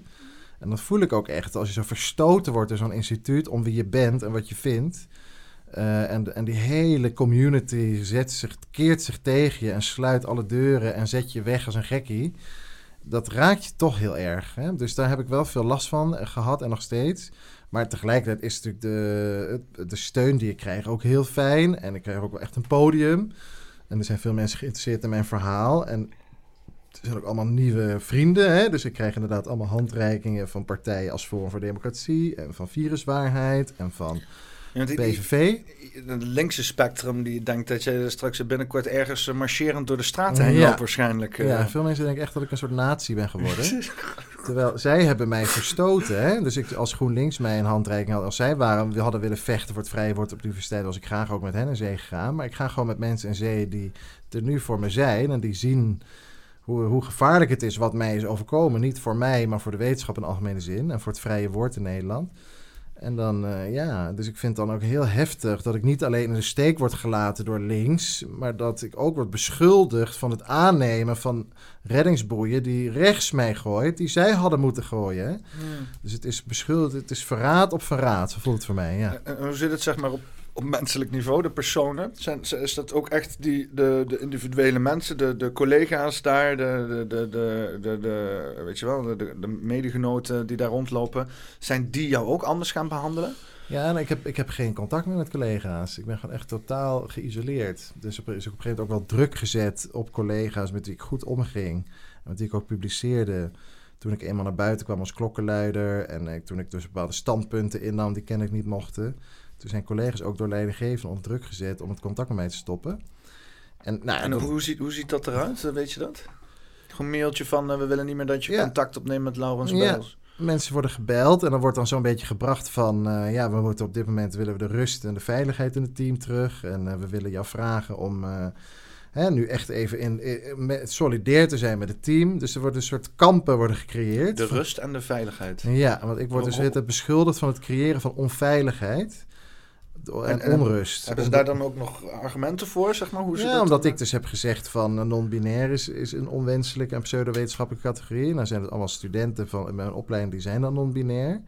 Maar- wat is eh, veilig dan in hun... eh, wat is, Nou, veilig. Zij, zij zijn dus met die sociale veiligheid veel bezig. Dat is een onderdeel van dat woke. Hè? Dus dan vinden ze het belangrijk dat zij zich allemaal veilig voelen. Maar Hoe, hoe houdt, wat houdt het? Want ik vind het wel interessant. Want dat hoor je hoe de safe space. En Ja. mensen moeten zich veilig voelen. En er mag niet gekwetst worden. Ja. En dat soort zaken. Ja.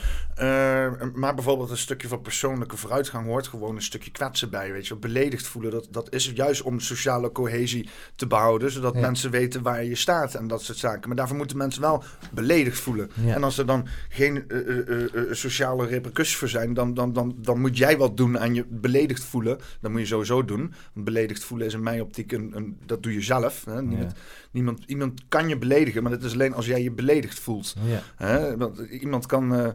Ja, je kan op verschillende momenten van de dag dezelfde dingen tegen me zeggen. Terwijl ik de ene moment de aanstoot aan neem, andere moment niet. Ja. Nou, dat betekent niet dat datgene wat gezegd wordt per se beledigend is of niet. Dat heeft puur met mijn gemoedstoestand te maken. Ja. Maar eh, eh, hoe definiëren ze dat daar dan? Hoe, hoe meten ze dat? Hoe maken ze daar Nou, omdat voor? zij vinden dus dat ik hun, eh, hun bestaan ontken. Dus ik zeg, die non-binair is onwenselijk. En die mensen die moeten andere manieren geholpen worden... dan dat we hun identiteit emanciperen. En dan vinden zij dus dat ik hun bestaan ontken... En dat ik discrimineer en dat ik eh, het onveilig maak voor hen. Dat ik hen persoonlijk aanval. Dus zij zijn ook niet in staat tot het voeren van een wetenschappelijk debat met wetenschappelijke argumenten. We nemen het allemaal heel persoonlijk. En dan wordt eigenlijk ook de UvA, die neemt dan stelling in. En die zegt, oh, die mensen voelen zich gekwetst. Dat is onveilig. We hebben diversiteitsbeleid. Mensen mogen zich niet gekwetst en onveilig voelen. Dan moeten we optreden. En dan word ik gesanctioneerd. Oké, maar, maar, dus, dus je hebt dus hier deze wetenschappelijke instituut. Mensen die dan inderdaad eh, be- bepaalde eh, eh, ideologie aanhangen, denk ik dan. En, en, maar dat is... Want tot hoeverre is ideologie überhaupt wetenschap? Nou, ik vind dus dat, dat, dat, eh, dat het heel gevaarlijk is als ideologie gaat bepalen wat er wel en niet gezegd mag worden. Dus in principe is ideologie eh, en, en, en, en argumenten, vind ik twee verschillende dingen. Hè? Onderbouwde argumenten.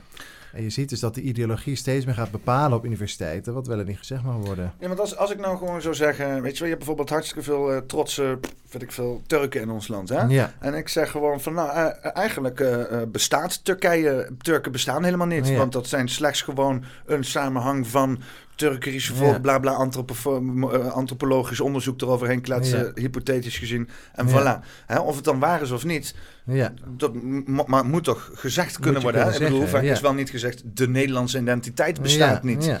hoeveel mensen daar wel misschien niet wel of niet door gekwetst worden. Ja, ehm, maar nu het dus inderdaad met, met, met seksualiteit te maken heeft, dan, dan is het dus schijnbaar eh, eh, gelegitimeerd om dus bepaalde dingen te, Ja. te, te weerhouden. Omdat het. Dus het is. Het komt in dat hoekje van je bent dus een homofoob en een transfoob. En, eh, dus dat, daar word ik allemaal van beschuldigd. Eh, Op de UvA wordt iemand als Jordan Peterson ook als een heel gevaarlijk en slecht persoon gezien. En ik word daar de hele tijd mee vergeleken. Dus op een gegeven moment kom je in een hoekje. En dan word, ga ik ook nog nu, pak ik die reddingsboeien van Forum en van PVV. En ga ik met die mensen in gesprek. Dus er, wordt, er ontstaat een beeld bij mijn collega's. Dat ik zeg maar extreem rechts eh, fascistisch monster ben geworden. Die is gaan heulen met de vijand. Hm. En die dat onschuldige regenboog diversiteitsbolwerkje op de UvA eh, vol is gaan aanvallen. Met allemaal eh, bruine vijanden. Maar Zo'n beeld er- wordt gemaakt. Maar zijn er dus zoveel mensen die zich dan an- identificeren met non-binair? Niet veel, maar dus ze hebben wel veel bondgenoten. Dus er is- best wel een. Je hebt de UVA Non-Binary Collective zelfs. Er, zijn, is gewoon zo'n groepje non-binaire studenten. Maar het is, er zijn, ze hebben veel bondgenoten. Er zijn heel veel collega's die vinden dat je daar niks eh, slechts over mag zeggen. Eh, laten we even meegaan in dat hele non-binaire. Want, want vertel mij, wat, wat houdt het nou precies in? Want ik, in het begin van het gesprek introduceerde ik het even. Mhm. Maar ik heb eigenlijk geen idee. Wat, wat, wat is het nou? eh, Ja, het, is, het is een categorie die eh, is ontstaan binnen de transgenderbeweging. En die eigenlijk het idee heeft van... ja, wij willen niet meer als transgenders van man naar vrouw... maar wij willen af van het hele idee van man en vrouw. Dus het probleem is niet zozeer... die non-binaire ideologie zegt het probleem is niet zozeer dat... Hè, zitten gevangen in het verkeerde lichaam... maar het probleem is dat we überhaupt onderscheid maken tussen man en vrouw... Maar dat is op zich, op zich eh, hè, als een setje mensen zoiets hebben van ik wil me niks met gender te maken hebben, Ja. dat is prima. Maar dan horen die toch helemaal niet Duits in het gendergesprek. Hetzelfde als Nou, dat je een gesprek over inburgering hebt. Ja. En dan ga je allemaal mensen eh, uit, eh, die, die, die diep, diep en diep in, eh, in Heems-Fries zijn, ga je er dan eh, bij halen en zeggen van oh, eh, doe, doe jij er eens even over praten. Ja. Dan, dan ga ik donder op zeggen dat dit Friese zeggen van ja, dit, dit heeft niks met mij te maken. Ik wil dit helemaal niet. Die moet je ook niet in een gesprek ja, hebben. maar zij vinden dus juist dat het genderdebat verrijkt moet worden in hun ogen met dus ideeën over hoe gender weg moet. Ja, We proberen je iets te definiëren. maar kijk, non- als ik dit uitleg, dan zeggen die non-binaire of de aanhangers van non-binaire, die zeggen altijd nee, wij hebben niks tegen mensen die zich als man of vrouw definiëren, maar wij willen het zelf niet. En wij, wij willen daar ruimte voor. En dat, en, nou, en dat is dan, dan heb ik twee antwoorden. Dan zeg ik nou ten eerste, is dus het, het idee non-binair is wel echt ontstaan, hè, filosofisch, ideologisch, vanuit het idee dat het onderscheid tussen man en vrouw slecht is. Ja. De Belgen. ja, dat is het. Ja.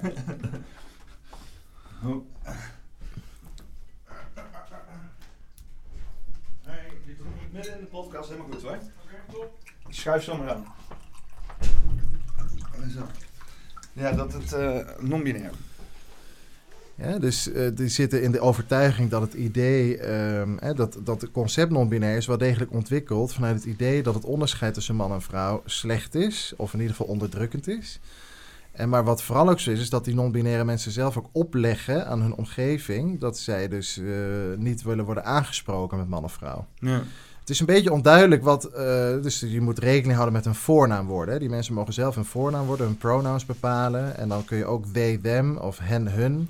Dus die willen niet meer aangesproken worden als, eh, als man of vrouw, maar als een soort onzijdig, eh, meervoudig persoon. Dat komt echt uit die non-binair hoek. eh. Ja. ja. En dus, de, nou ja, dit is dus. En ik zeg dan van, nou, dat is eh, problematisch, want we, mensen hebben gewoon een ma- mannelijk of vrouwelijk lichaam. Hi. Goeiedag. Hi, aangenaam. Hallo, we hebben elkaar op LinkedIn al gesproken, kort. Inderdaad, ik weet het nog. Ja, top. Ja, we moeten kom Ik je sowieso om te streamen met Peter straks. Dus als je iets eerder komt, kan ik even gedag zeggen tegen Laura. Leuk. Ik zal jou zo heel even aan. aan- Vind je het ook misschien leuk als Sid eh, straks meedoet? Dan doe ik Jij zo bent heel de even. gastheer, ja hoor. Dan doe ik jou zo ook heel even installeren met die microfoon. Eh, maar ik wil eerst heel even deze non-binaire gedachtegoed eh wat verder uitdokteren nog. Ja. Ehm, eh, want ik heb altijd het idee, eh, kijk, ik ben altijd bereid om iedereen te accommoderen aan van alles, zodra ik je dat gun, zeg maar. Hè? Eh, als jij tegen mij staat te schreeuwen, dan, dan noem ik je hoe ik jou wil noemen. Hè, meestal waarschijnlijk iets van klootzak of teringleier. Maar daar doe je niks aan dan. Hè? Het is gewoon puur uit gunfactor. Respect moet je verdienen, bij wijze van spreken. En eh, eh, eh, vanuit die hoek heb ik zoiets van... hé, hey, nu wordt mij iets opgelegd. Ik moet nu, dus nu vanuit mijzelf allerlei mensen gaan identificeren. En dan moet ik me conform dat moet ik me dan gaan gedragen. Terwijl ik die mensen niet eens ken...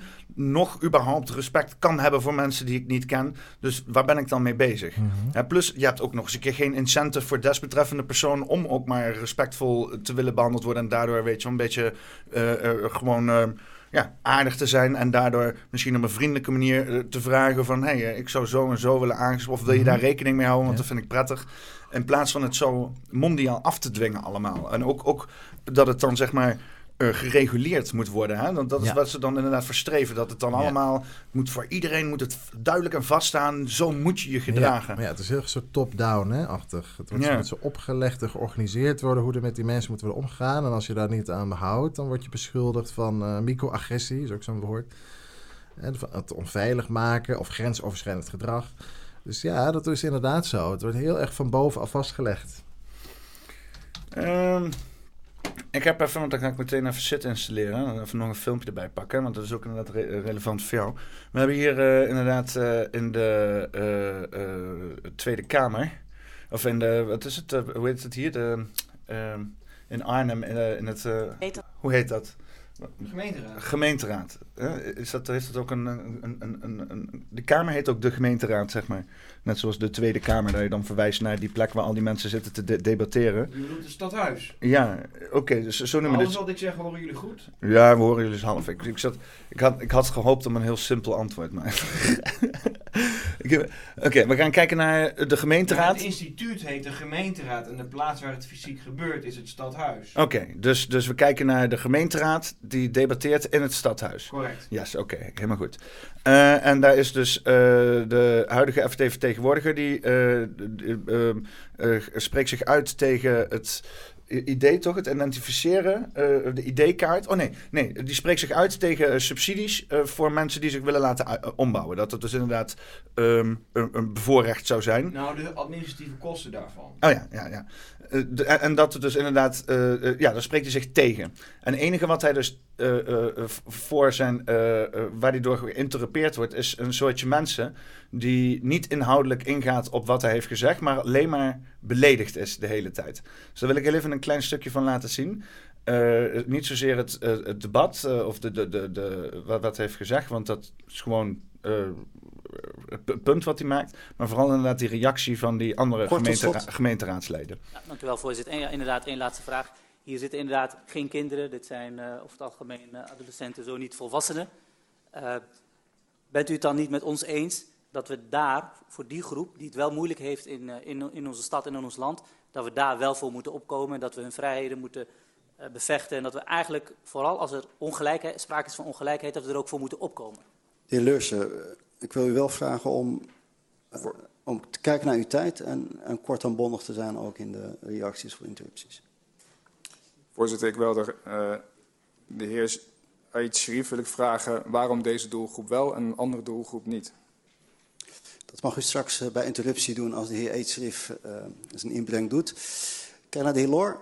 Ja, voorzitter, we weten natuurlijk dat uh, Vorm voor Democratie de opvatting dat iedereen in deze stad zichzelf mag zijn en kan zijn, niet deelt. En we weten ook dat Vorm voor Democratie de wetenschap niet bepaald een warm hart toedraagt. Maar hoor ik de heer Luurs hier nu zeggen dat hij ontkent dat er wetenschappelijk gezien iets bestaat als een uh, uh, aandoening als genderdysforie. En dat de heer Luurs ook ontkent dat daar problemen uit voortkomen. Of dat de wijziging van de geslachtsregistratie voor die problemen een oplossing kan zijn. De heer Leursen. Voorzitter, het is niet dat wij dingen ontkennen. Wat wij ontkennen is dat de term gender vaststaat als een valide wetenschappelijk gegeven. De persoon die deze term gecoind heeft, om een wetenschappelijke term te gebruiken, die is indirect verbonden met het toepassen van deze ideologie en de sterftegevallen van twee van zijn patiënten. Daar zit een risico aan verbonden waar wij verreweg onze afstand van willen nemen. De heer Loor, tot slot. Voorzitter, ik hoor uh, wederom Forum voor Democratie afstand nemen van wetenschap. En ik als hoor... ik iets zeg, ben ik dan ook te zien? Of? Ja, uh, en u bent nu te zien en ook hoorbaar. Oké. Okay. wederom Forum voor Democratie complottheorieën deze zaal inslingeren. En ik neem daar grote afstand van. Hier, ook niet, ook niet, niet eens, want ik, oh man, ik zit in de Tweede Kamer, zit ik ook al heel lang te kijken met dit soort meuk. Niet eens, gewoon niet, niet, hij zegt dingen. Ga eens in op dingen die gezegd worden. Ja. En dan is het alleen maar oordeel, weet je wel? Ja. En dan denk ik van, oké, okay, nou ja, waarom dan? Hè? Maar ja. dat krijg je nooit, dat waarom nee. dan. Nee. Ja. Want, uh, heb jij dat allemaal een beetje meegekregen, dit hele debacle? Ja, natuurlijk, want uh, Gino is een collega van mij. En als ik dit zie, denk ik maar een paar dingen. Ik denk ten eerste, oké, hij heeft het over wetenschap, maar als hij het dan heeft over genderdysforie, ja, dan kunnen we het ook hebben over het chromosoom, waar immers het geslacht in is vastgelegd. Uh, hij heeft het over de wetenschap serieus nemen. Nou, wat ik me herinner is dat er in een D66 denktank een wetenschapper is weggestuurd, omdat hij met andere conclusies kwam over stikstof dan dat past in het narratief van D66. En werd duidelijk gezegd, ja, die conclusies van jou, die moet je hier niet rondspuien, want die die werken Thierry Baudet in de kaart. En uh, ja.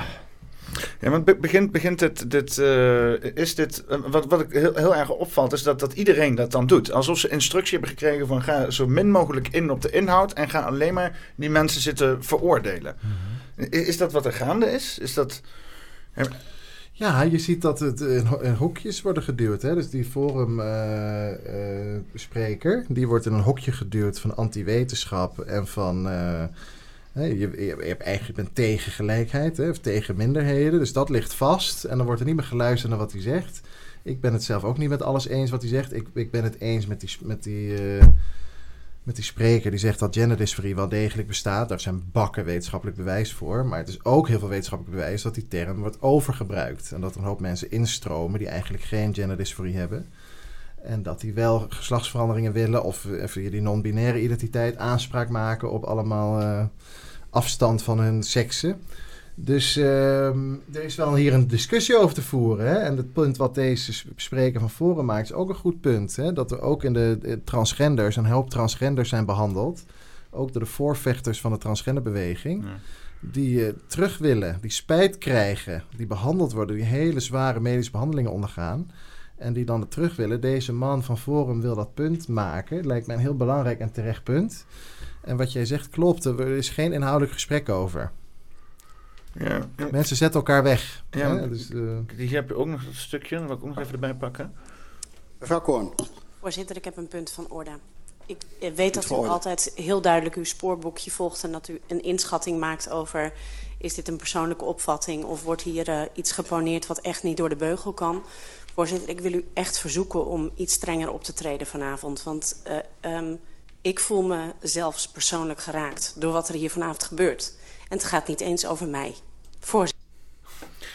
Ja, en, en eh, ja, ik heb zoiets van, wat, wat, heeft het, eh, wat, wat het hebben mensen hier aan? Hè? Dus zelfs ook mensen die met genderdysforie zitten, wat hebben die in godsnaam aan dat deze vrouw hier nou, eh, dat het haar Precies. raakt? Die hebben nodig dat deze vrouw een fatsoenlijk en Ja. degelijk gesprek aangaat Ja. met mensen. Ja, precies. Het is heel gênant wat hier gebeurt. Hè? Dus hij kan alleen maar terugvallen in die rol van gekwetst zijn. En hè, dat is wat ik op de UvA ook de hele tijd zie. Hè?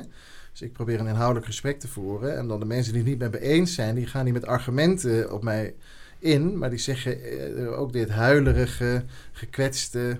Die willen opgevangen worden en van mij beschermd worden. En die willen afstand. En, hè, dus dat is een soort enorme pathetische act die wordt neergezet. En waarin dus die slachtofferkaart wordt gespeeld om, om het debat te smoren. Hoe, hoe komt het dat dit zo effectief is op een of andere manier? Ja, ik denk door het cultuurmarxisme en uiteindelijk onze christelijke wortels. Hè. De eerste zullen de laatste zijn en de laatste de eerste. Hè. De andere wang toekeren, de tweede mijl gaan. Dus je moet eigenlijk altijd opkomen voor de underdog. Ook een beetje in het marxisme. Hè. De arbeiders, de vertrapten, die zullen uiteindelijk het paradijs erven. En eh, ja, je wil vooral niet geassocieerd worden met eh, de onderdrukker. Hè. Dus, dus de blanke heteroseksuele man. Want dat is de machthebber, dat is de boeman van de geschiedenis. Nou, dus hier een soort amalgaam van christelijk marxistisch denken. Extreme overidentificatie met, de- met de underdog. En dit is waarom dit soort ideeën in het, eh, in het Westen zo diep wortel kunnen schieten. En in een land als Japan is het bijvoorbeeld ondenkbaar dat dit zou gebeuren. Of probeer maar eens een, in Turkije hiermee aan te komen. Ze lachen je echt weg. Maar, en het CDA is zelf ook helemaal geen voorstander van die genderideologie. Zit ook met de conservatieve, halfzacht conservatieve achterban. Maar ja, zij durven die genderideologie niet te thematiseren. Als je kijkt naar die raadsdebat, het CDA en de VVD en de PvdA hadden ook een aantal eh, ideeën hierover, concreet voorstel. Zij waren het ook niet eens met die genderideologie, maar ze durven dat alleen niet direct te benoemen. Ze durven zich alleen maar eh, te verschuilen achter praktische beleidspuntjes. Dat is het punt. En, en Gino wil het dus inderdaad hebben, precies wat Laurens al zegt, over die onderliggende ideologieën. Die, die mensen die worden overgehaald tot een bepaalde transformatie. Achteraf, velen hebben er dan spijt van, willen terug. Dat mag gewoon niet bespreekbaar gemaakt worden. Dus proberen ze het af te op beleidsmatige puntjes. In plaats van de discussie echt inhoudelijk te voeren, meteen afkappen. We gaan huilen, we zijn gekwetst. Ik voel mij persoonlijk geraakt, zoals mevrouw Koorn het zegt. Ja, want als je dan zegt, eh, jongens, laten we verder gaan met rationele argumenten. Laten we het hebben over een, een debat op redelijke wijze voeren met elkaar. Ja, dan ben je ongevoelig. Dan heb jij geen oog voor de slachtoffers. En daarom wint emotie het helaas altijd in onze democratie. En is er eigenlijk geen redden meer aan. En je ziet al, elk debat wordt doodgeslagen met morele verontwaardiging, zieligheidsretoriek. In plaats van het debat op de feiten en de argumenten te voeren. Ook, net werd ook al gezegd, ja, de wetenschap voor moet de wetenschap respecteren. Ja, maar hoe zit het dan met stikstof? Daar is D66 ook niet in de wetenschap geïnteresseerd. Dus ik, zie, ik zie er eigenlijk geen hel meer in. Ja, met, met, met, met de, de hele genderdiscussie hebben we net ook geconstateerd. Er is ook vrij weinig wetenschap momenteel in te bekennen als het gaat om uh, hoe dat beoordeeld wordt. In ieder geval hoe dat nu dan opgepakt wordt als het gaat over uh, non-binair. Het heeft niks met wetenschap te maken. Dat is gewoon gevoelsmatig ja, weet ideologie, je, toch? Precies. Ja, en wat die hele transdiscussie betreft. Hè, kijk, we hebben dat concept genderdysforie gebouwd de afgelopen 30 jaar of zo. Waarin we dus kijken, er zijn dus een, uh, mensen, die, of, er zijn kleine kindjes, en die uh, zeggen, laten een heel consequent, consistent beeld zien van, ik ben een jongetje, maar ik wil een meisje worden. En die dat dan jaren volhouden. Die op het eerste woordje zeggen van, ik wil mijn piemeltje eraf halen, ik voel me een meisje, ik wil een jurkje, ik wil, die ontwikkelen zich als een meisje. En waarbij we gewoon dat heel consequent zien en we dat niet kunnen verklaren door bijvoorbeeld hun medicijngebruik of door... of door hun opvoeding of door trauma. Maar dat dat echt een. Daar lijkt iets wat we dus noemen. En voor het tweede levensjaar wordt in je hersenen een bepaald identiteit wordt ingeprint. Van een heel rudimentair idee. Dat noem ik de primaire genderidentiteit, wordt dat genoemd in de literatuur. Ik ben een man of ik ben een vrouw. En bij sommige mensen, kleine groep, wordt daar iets door elkaar gehaald. Dus dan heb je een vrouwenlichaam, maar dan heb je toch de identiteit van ik ben een man. En dat is heel naar om, om te hebben een leven lang. Als je die transgenders hoort, dat is heel naar. Het enige wat we nu voor hen kunnen doen om dat recht te trekken, we kunnen die brein, we kunnen die primaire identiteit niet wisselen. Dus het enige wat we kunnen doen is hun lichaam transformeren om, de, om daar een soort synchroniciteit te maken. Hè? Mm. Cohesie, weer coherentie tussen hoe zij zichzelf ervaren en hoe hun lichaam is. Dat is een hele kleine groep. Er zijn dus ook allemaal mensen in die transgender groep die, daar, die dan die geven aan: ik wil naar het andere geslacht, maar die krijgen later weer spijt. Die hebben bijvoorbeeld trauma, die zijn gewoon in de war. Die hebben eerder een goede psycholoog nodig dan een genderclinic. En die gaan dan toch in die transgendergroep. En we zijn als wetenschappers, waren we daar heel goed mee bezig om die categorie schoon te houden. En goed onderzoek te doen. En hoe kunnen we via goede diagnostiek die mensen die de categorie vervuilen snel eruit halen. Zodat die niet als transgender door het leven gaan. Dat hele project is echt stilgelegd. Dus daar wordt niet meer goed onderzoek gedaan om, om daar goed onderscheid te maken. Maar er is nu steeds meer ideologie van nou, iedereen die echt zegt dat hij transgender is, moeten we maar gewoon serieus nemen. Artsen moeten steeds minder opleggen aan mensen vanuit diagnostiek hoe zij zich voelen. We moeten mensen serieus nemen. Dus daar is een bepaald soort ideologisch denken, wat heel erg klopt vanuit het idee van minderheden, moeten wij altijd respecteren. Dan wordt die minderheidskaart gespeeld. En op die manier wordt dus dat vakgebied wordt geïdeologiseerd. Dat vind ik heel jammer. Er was dus een tijd waarbij dus echt gewoon heel duidelijk die onderscheid werd gemaakt. Ja, daar waren we heel goed mee bezig. En hier in Nederland hebben we er ook een grote rol in gespeeld bij de Gender Clinic aan de VU. Om dat onderzoek te doen. En om dus als, we, als daar mensen werden behandeld die later spijt kregen van hun transitie, dan werden die goed onderzocht. En dan werd over gepubliceerd in de vakliteratuur internationaal. Werden procedures aangepast. Het was een heel zorgvuldig spel vanuit het idee, we willen nooit die grote fout maken, dat we, wat soms helaas gebeurt, dat we iemand behandelen die later blijkt geen transgender te zijn. Dus eh, dat, maar die hele, die hele voorzichtigheid en dat wetenschappelijke werk, van we gaan hier heel verantwoord mee om. Dat we nu high-tech hebben waarmee we mensen van geslacht kunnen veranderen, hormonen kunnen geven, enorme ingrepen doen in gezonde lichamen. Dat moeten we natuurlijk niet zomaar doen, maar in zeer uitzonderlijke gevallen, als die mensen anders doodongelukkig zijn, dan moeten we, dan kun je dat doen. Maar niet zomaar even lichtzinnig inzetten. En wat is er gebeurd in Nederland? Hup, vanaf 12 jaar mag je hormonen krijgen. De puberteit kan worden afgeremd. De diagnostiek wordt steeds meer opgerekt. Artsen zelf worden steeds meer onder druk gezet. Om laat nou maar los de diagnostiek. Geloof iemand dan maar gewoon als die het zegt. Anders ben je transfoob. Dus er wordt druk gezet om die wetenschap, die er in mijn ogen goed was om die te ondermijnen. En die wetenschap die was juist goed, maar moest nog verder worden ontwikkeld. Dat verder ontwikkelen gebeurt niet meer en het wordt steeds meer ideologie. Uh, uh, sinds wanneer, heb, heb je een idee sinds wanneer zeg maar, dat specifieke die controle op of die filtering uit, uit die groep, zeg maar, wanneer dat echt uh, is gestopt?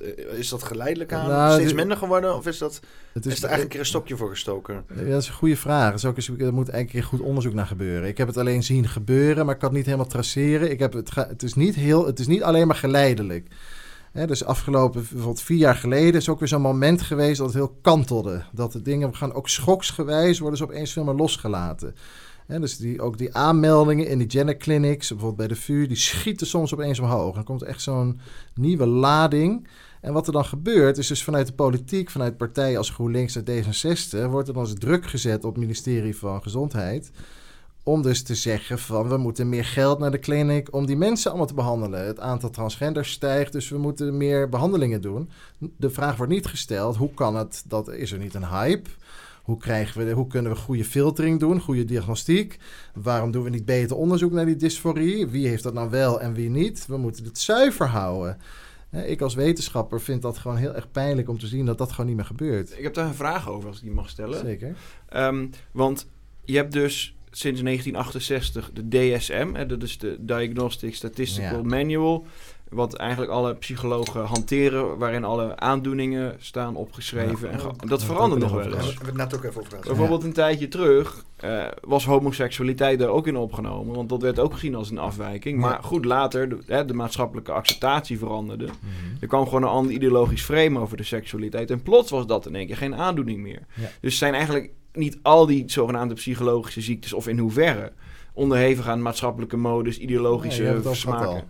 Oké, nou dan... Ik, ik- denk, ik- ik denk dat het gevaarlijk is om te zeggen dat er allemaal alleen maar cultuur en geschiedenis is. Ik, dat, eh, Ik Ja, zei, nou, dat was met- we zitten, lore we bijna in een soort van eh, men- mentale aandoening, emancipatie lijkt het wel. Ja. eh. Ja, dat, zeg, dat, dat is heel interessant. Daar, daar wil ik wel wat over zeggen. Ja? Ja, dat is, kom je dus op Foucault. En dan kom je dus op de geboorte en de afschaffing van het subject.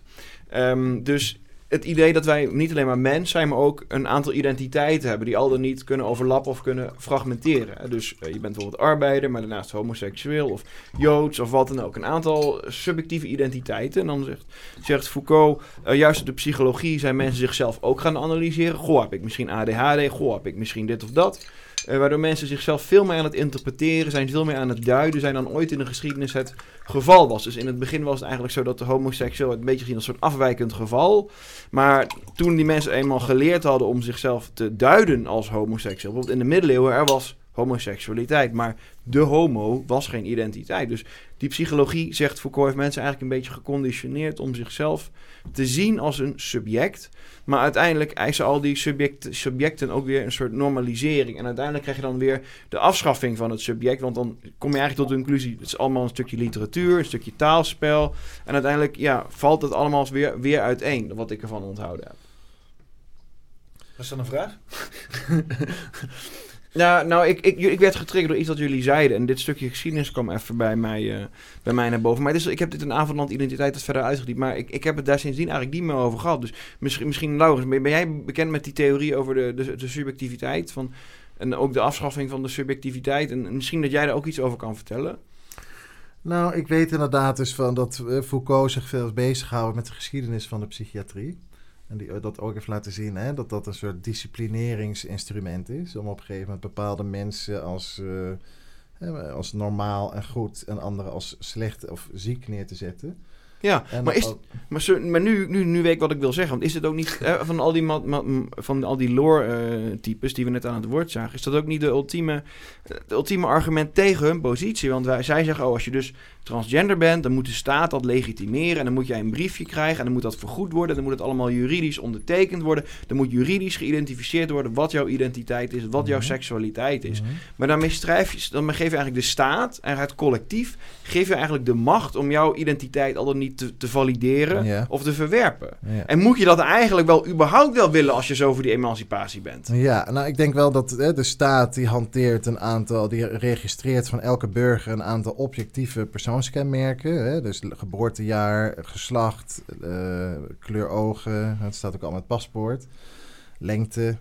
Dus ik denk wel dat het op zich, al, ik ben zelf, eh, lijkt het mij goed dat als jij een transgender bent en je gaat goed door de diagnostiek en je blijkt dat jij tot die kleine groep behoort die echt eigenlijk ongelukkig de rest van zijn leven blijft als die in dat geboortegeslacht blijft hangen en die wil je helpen naar het andere geslacht, dan lijkt me wel goed dat dat ook in de administratie verandert, omdat het helpt voor die mensen in, in erkend worden door de staat en door de samenleving als nu bij het andere geslacht. Ik heb hier allemaal niet zoveel moeite mee. Het gaat er mij vooral om, die categorie die wordt platgelopen. Er lopen allemaal mensen naar binnen die helemaal niet transgender zijn. We hebben dat non-binaire wat helemaal nergens op slaat. Dat is gewoon eenmaal losgezongen. Gender wordt steeds meer gezegd van het bestaat eigenlijk niet. Man en vrouw kunnen we naast ons neerleggen. Doet er allemaal niet zoveel toe. We kunnen dat maken. Ik vind dat heel gevaarlijk, omdat ik zie dat wij zijn biologische wezens. We zijn organismen zijn we eigenlijk, zoogdieren. Seksualiteit en het seksenverschil speelt een heel belangrijke rol in ons. En het doet mij aan dat transhumanisme denken. Als nu opeens Mhm. wordt gezegd, we schuiven dat gewoon allemaal aan de kant. En we gaan extreem maakbaarheidsdenken creëren. Of we kunnen die mensen helemaal lostrekken van de natuurlijke en organische en biologische realiteit. Mhm. Ik vind dat heel gevaarlijk. Ja, dus ik heb niet zoveel problemen met transgender. Ik zie wel dat daar een deurtje wordt opengezet naar het ondermijnen van het hele man-vrouw verschil. En daar maak ik me wel zorgen over. Ja, want ik, ik, eh, eh, eh, je kan natuurlijk stellen dat het een, een soort van ontwikkeling is die natuurlijk voortkomt. Want er zijn natuurlijk allerlei wegen die we bewandeld hebben. Maar je hebt natuurlijk ook bijvoorbeeld mensen zoals een Yuri Besminov, die inderdaad Ja, in de jaren ja, ja. tachtig al zei van er komen straks social justice warriors om de maatschappij Te ontwrichten. Ja, te ontwrichten, plat te leggen, verward te maken. Ehm, is dit een onderdeel daarvan of is dit echt een natuurlijk fenomeen? Hoe, hoe ervaar jij dat? Oh, is wat- Want, want, want, nou ja, omdat de, de, de, de, hele die ehm, politieke, de, politise, de politisering van, van eh, jouw vakgebied en Ja. dus inderdaad ook het, het heftig eh, overnemen van de politiek in die hoge emotie. Hè? Dus, want dat wordt dus inderdaad aangestuurd vanuit allerlei eh, NGO's of allerlei instanties die dus inderdaad eh, eh, eh, voorstellen doen hoe mensen zich moeten gedragen Ja. en dat wordt dan overgenomen en nu zit je in zo'n soep. Zou dat zeg maar echt vanuit een plek zo zijn van oh ik, dit, is, dit is het juiste wat we moeten doen met z'n allen of zal het geïnstrueerd zijn om letterlijk die theorieën die Yuri Besminov, ben je er bekend mee? Nee. Oh, dan ga ik dat eens even opzoeken. Dat is misschien wel leuk, ja. Ehm eh, Yuri Besminov, hij is een, eh een Nee, je schrijft dat anders. Je schrijft dat J U Ja, dat maakt, maakt niet uit. Ik vind het oké, best wel nog zo goed. Eh, Social Justice Warriors. Hij is dus een deserteur van, Ja, is eh, het, eh, het, eh, eh, van, eh, uit de Sovjet-Unie. En hij heeft een reeks aan interviews gedaan. Oh, jezus, wat is dit dan nou weer? Ik moet even een ander filmpje hebben. Trollvideootje. Ehm, ja, dus hij is een, een oud KGB-defector. eh, en heeft in Wauw. 1985 eh, een reeks aan interviews gedaan. Waarbij hij dus letterlijk de wereld beschrijft waar wij, waar wij, nu is waar, ontstaan. waar wij nu in zitten. Wauw, wat interessant. Eh, hè? eens even kijken. Eh, hoe? Zo. react to certain stimuli in a certain pattern. You cannot change their mind, even if you, if you Oh ja, uh, the first one being demoralization. It takes from 15 to 20. Ja, maar ik ga hem vanaf, spoke ik ga vanaf het begin doen, want hij, begint, hij, hij, hij opent meteen al met goede shit. Dus, eh, even kijken. Yuri Besminov, 1985. times before about ideological subversion. That is a phrase that uh, I'm afraid some Americans don't fully understand. When uh, the Soviets use the phrase ideological subversion, what do they mean by it? Ideological subversion is, is the process which is legitimate, overt, and open. You, you can see it with your own eyes. All, all you have to do, all American mass media has to do, is to unplug their bananas from their ears, open up their eyes, and they can see it. There is no mystery. There is nothing to do with espionage. I know that espionage intelligence gathering looks more romantic. It sells more deodorants through the advertising, probably. That's why your Hollywood producers are so crazy about James Bond type of, of, of thrillers. But in reality, the main emphasis of the KGB is not in the area of intelligence at all. According to my uh, opinion and opinion of many defectors of my caliber, only about 15% of time, money, and manpower is spent on espionage as such. The other 85% is a slow process which we call either ideological subversion or active measures, активные мероприятия in the language of, of the KGB, or psychological warfare. What it basically means is to change the perception of reality of every American to such an extent that despite of the abundance of information, no one is able to come to sensible conclusions in the interests of defending themselves, their families, their community, and their country. It's a great brainwashing uh, process which goes very slow and it's divided in, in four basic stages. Uh, the first one being demoralization. It takes from 15 to 20 years to demoralize a nation. Why that many years? Because this is the minimum number of years which requires to uh, educate one generation of students in the country of, of, of your enemy, exposed to the ideology of the enemy. In other words, Marxism-Leninism ideology is being pumped into the soft heads of, of, of at least three generations of American students without being challenged or counterbalanced by the basic values of Americanism, American patriotism. The result, the result you can see, most of the people who graduated in the 60s, dropouts or half-baked intellectuals, are now occupying the positions of power in the government, civil service, business, mass media, educational system. You are stuck with them. You cannot get rid of them. They are contaminated. They are programmed to think and react to certain stimuli in a certain pattern. You cannot change their mind, even if you, if you expose them to authentic information, even if you prove that white is white and black is, uh, is black, you still cannot change the basic perception and the logic of behavior. In other words, these people, uh, uh, the process of demoralization is complete and irreversible. To get rid society of these people, you have you need another 20 or, or, or 15 years to educate a new generation of patriotically minded and, and, and uh, common, common sense people who would be acting in favor and in the interests of, of the uh, of uh, United States society. And yet these people who've been programmed and, as you say, in place and Yes. who are favorable to an opening with the Soviet concept. Ja, eh, eh, want dat is naar mijn idee ook waar dat hele cultuurmarxisme een beetje vandaan komt. En in ieder geval zoals ik er ook naartoe kijk van waarom er dan zo'n systeem op je neergedaald wordt. En waarom dit ook verschijnselen zijn die globaal spelen. Dus zowel als in Amerika, als in Canada, als in Nederland. Eh, in ieder geval aan de westerse kant. Is omdat het eh, eh, een, een doel is. Hè? Het past inderdaad wat je net ook zei in die transhumanistische agenda. Waarbij mensen inderdaad willen loskomen van het vleeselijke en gewoon op willen gaan in de digitale cloud. En dit past mooi in die agenda. En aangezien die agenda die nu gaande is met het hele World Economic Forum, wat buldert als een idioot. Dat is een grote, grote rollende bal. En wij zijn Indiana Jones die daarvoor wegrennen, bij wijze van spreken. Eh, eh, dat, is, dat is daar, het lijkt wel dat die hele agenda-discussie daarin is opgenomen. En dat is nu niet meer een constructief gesprek plaatsvindt, maar alleen Ja. maar ideologische, Ja. ideological subversion. Exact. Ja, het doet mij dus pijn vanuit die beweging. Hè? Omdat ik natuurlijk zelf eh, homo ben en jarenlang eh, betrokken ben geweest bij de LHBTI-beweging in Amsterdam. En ik weet wat voor kracht die beweging heeft. En ik denk dus juist ook daarom, snap ik van, oh, vanuit de gevestigde orde is het ook heel belangrijk om dit soort bewegingen te kapen en stil te leggen. Hè, en te ondermijnen. Ik denk, daarom ben ik ook zo waakzaam op wat dat woke. Denk ik, oh, dat is eigenlijk wel heel fijn. Je hebt dan eigenlijk, je maakt van die LHBTI-beweging een totale karikatuur. Je hebt eigenlijk, hè, je, die woordvoerders van die beweging zijn eigenlijk nu gewoon geradicaliseerde idioten.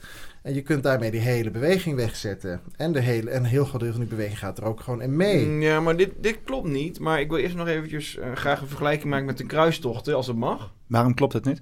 Ja, dat, daar ga ik zo op komen. Maar voordat ik dat weer vergeet te vertellen... Hè, de je kruis... wel terugkomen? Ja, ik wil ook nog iets zeggen Ja. zo. Ik was nog niet klaar. Oh, oké, excuus. Wil je dat eerst afmaken? Ja, maar, wat wil jij?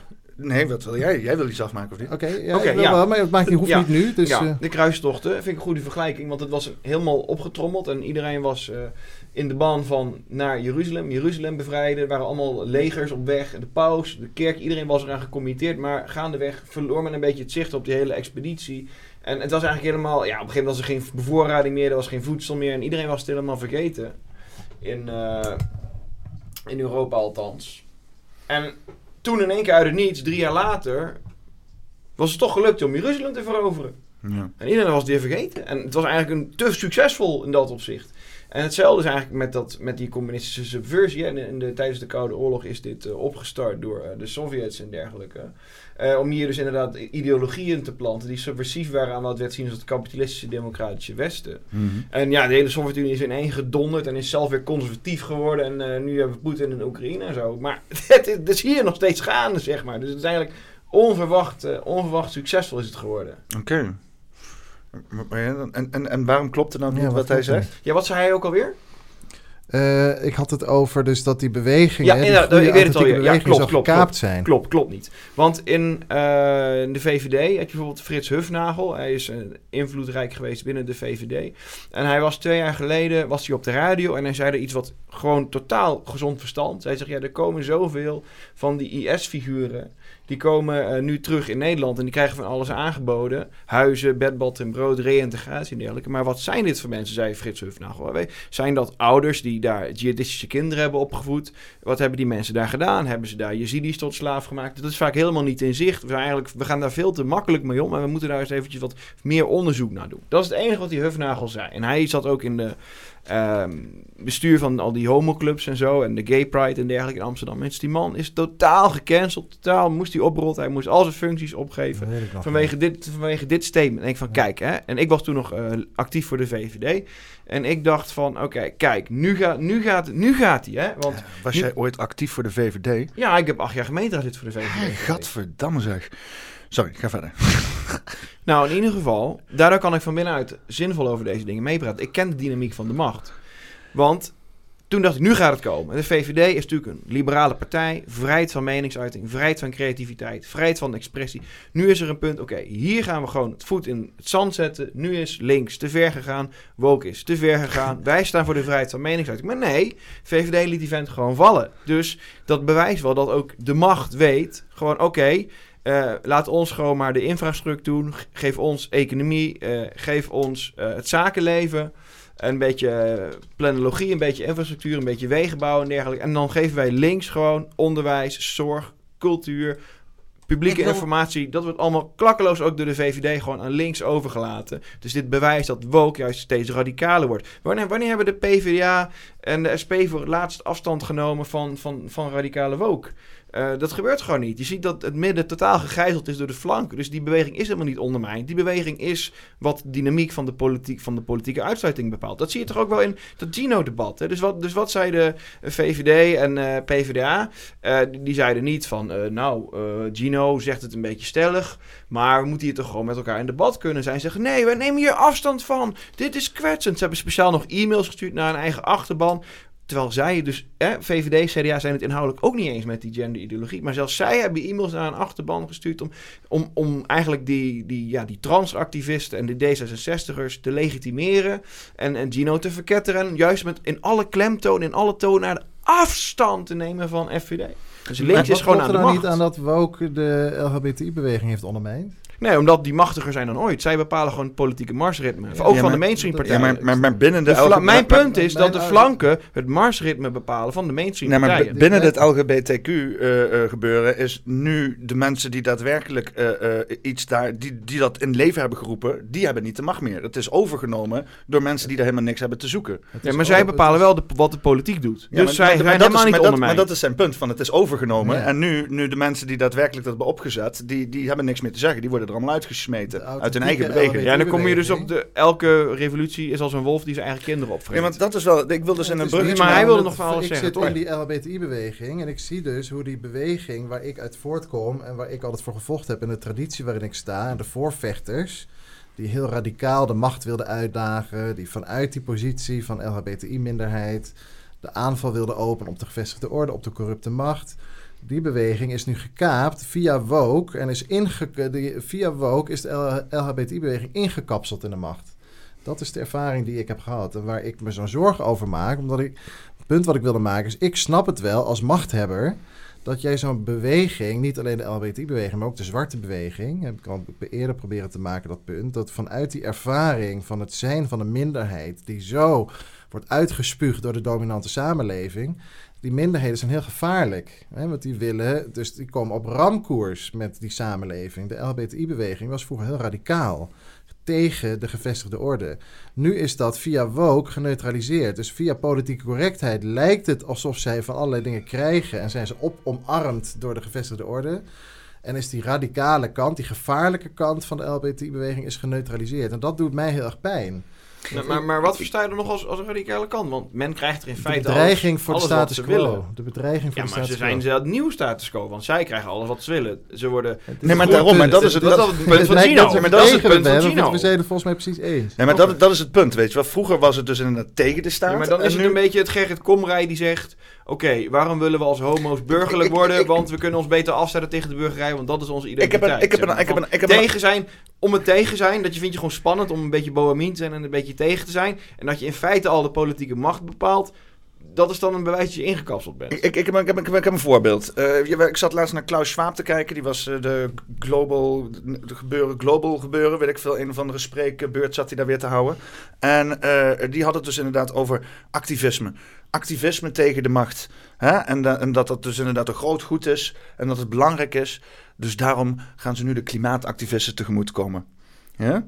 Maar dat is dus ook weer dat, dat hele idee van dat activisme iets moet zijn. wat dus inderdaad goedgekeurd wordt. of inderdaad eh, eh, eh, op één lijn gelegd moet worden met de huidige macht. zodat het daadwerkelijk uitgevoerd kan worden. Dat ontmantelt het hele principe van activisme. Je kan niet binnen de macht activisme beoefenen. Dat hoort daar buiten te zijn. Je hoort te schoppen tegen het systeem. Als je in het systeem zit, ben je in het systeem. En zo, zo, zo ervaar ik dit ook. Vroeger waren de, zeg maar, de outsiders, de mensen die inderdaad niet in dat grote plaatje pasten. Vroeger dan eh, eh, eh, inderdaad de homo's, lesbisch Ja, en de transseksuelen die daar een plekje in proberen te vinden. Ja. En, en dat is dus nu met, met, met allemaal onzin. Eh, eh, eh, naar binnen getrokken in de Ja, macht, waarbij er dus inderdaad niks gebeurt aan de punt. daadwerkelijke positie, Ja. maar alleen maar wordt gedebatteerd over eh, onzin. En dat is dus ook met racisme zo. Maar ze hebben toch ook al En dat is dus ook met klimaat zo. Maar dat is toch gewoon niet waar wat je nou zegt, Peter? Ze hebben toch gewoon die diversiteitsquota er doorheen geramd? Ja, maar niemand zit daar toch op te wachten? dus aangenomen. niemand- is dus wat de beweging niet wilde. Niemand zit erop te wachten. Dat is het hele idee. Al die dingen die nu worden doorgevoerd, al die eh, focus die Nou, wordt zij kunnen zichzelf beleid. verrijken op kosten van ons belastinggeld. En ik als blanke hetero man zal nooit in een kotum vallen. Maar Dus jij bent gewoon een oorlog tegen mij eigenlijk. Nee, nee, nee, nee, maar je, bekijkt het nu een beetje door, door... Je bent een beetje met oogkleppen op, want die LHBTQ is niet één ding. Hè? Dat is niet één... Ik snap dat ze heel graag willen dat het één ding is. Daarom zitten ze zo krampachtig zoveel letters bij elkaar te stoppen... en één woord die niemand kan uitspreken. Maar dat is niet één ding. Net zoals ook rechts niet één ding is, bij wijze van spreken, toch? En, dus je kan wel zeggen van, oh, dat werkt voor hun. Nee, het werkt voor dat kleine groepje in die LHBTQ-beweging... die, whatever hun intenties ook zijn, de hele boel zitten te verneuken. Dat is in ieder geval hoe volgens mij jij het ook ervaart. En heel veel mensen, ook in mijn omgeving, die inderdaad wel gewoon, eh, gewoon eh, eh, uitgesproken eh, homofiel of lesbisch of transseksueel zijn wat dat betreft. En die hebben, die hoeven daar, die hebben, dat is niet per se hun hoofdidentiteit. Die hoeven niet in de politiek te horen dat er over hun gepraat wordt en dat soort zaken. Maar ik, weet, ik, snap, ik snap niet helemaal waar nu de discussie precies over gaat. Maar het gevoel wat ik een beetje heb, dat is. Hè, wat, wat ik natuurlijk vaker heb in de afgelopen tijd, dat ik opeens aan de kant kom te staan van Forum voor Democratie. Terwijl ik vanuit mijn oude linkspositie daar altijd ideologisch tegen was. En nu ben ik, erg- zie ik een dankbare bondgenoot in de strijd bijvoorbeeld tegen woke. Maar waar ik, hè, en daar heb ik ook veel bewondering en waardering voor. Maar ik, eh, waar, ik, waar ik een duidelijk verschil voel, is vanuit Forum. Vanuit Forum heb ik vaak het idee dat de hele LHBTI-beweging wordt weggezet en van tafel geveegd als een woke-idioterie wat nooit had moeten bestaan. En dan denk ik van het punt wat ik kan toevoegen en hoe ik het debat kan verrijken en volgens mij ook de positie en de kritiek tegen woke kan versterken, is door het punt te maken, nou er is een hele mooie authentieke homobeweging die fantastisch eh, werk heeft gedaan heel belangrijk was voor het, voor het werken toewerken naar een eerlijkere wereld die minder in handen is van de elite en die niet in een totalitaire greep komt, omdat het een, de homobeweging is van oudsher anarchistisch, democratisch, eh, bottom-up?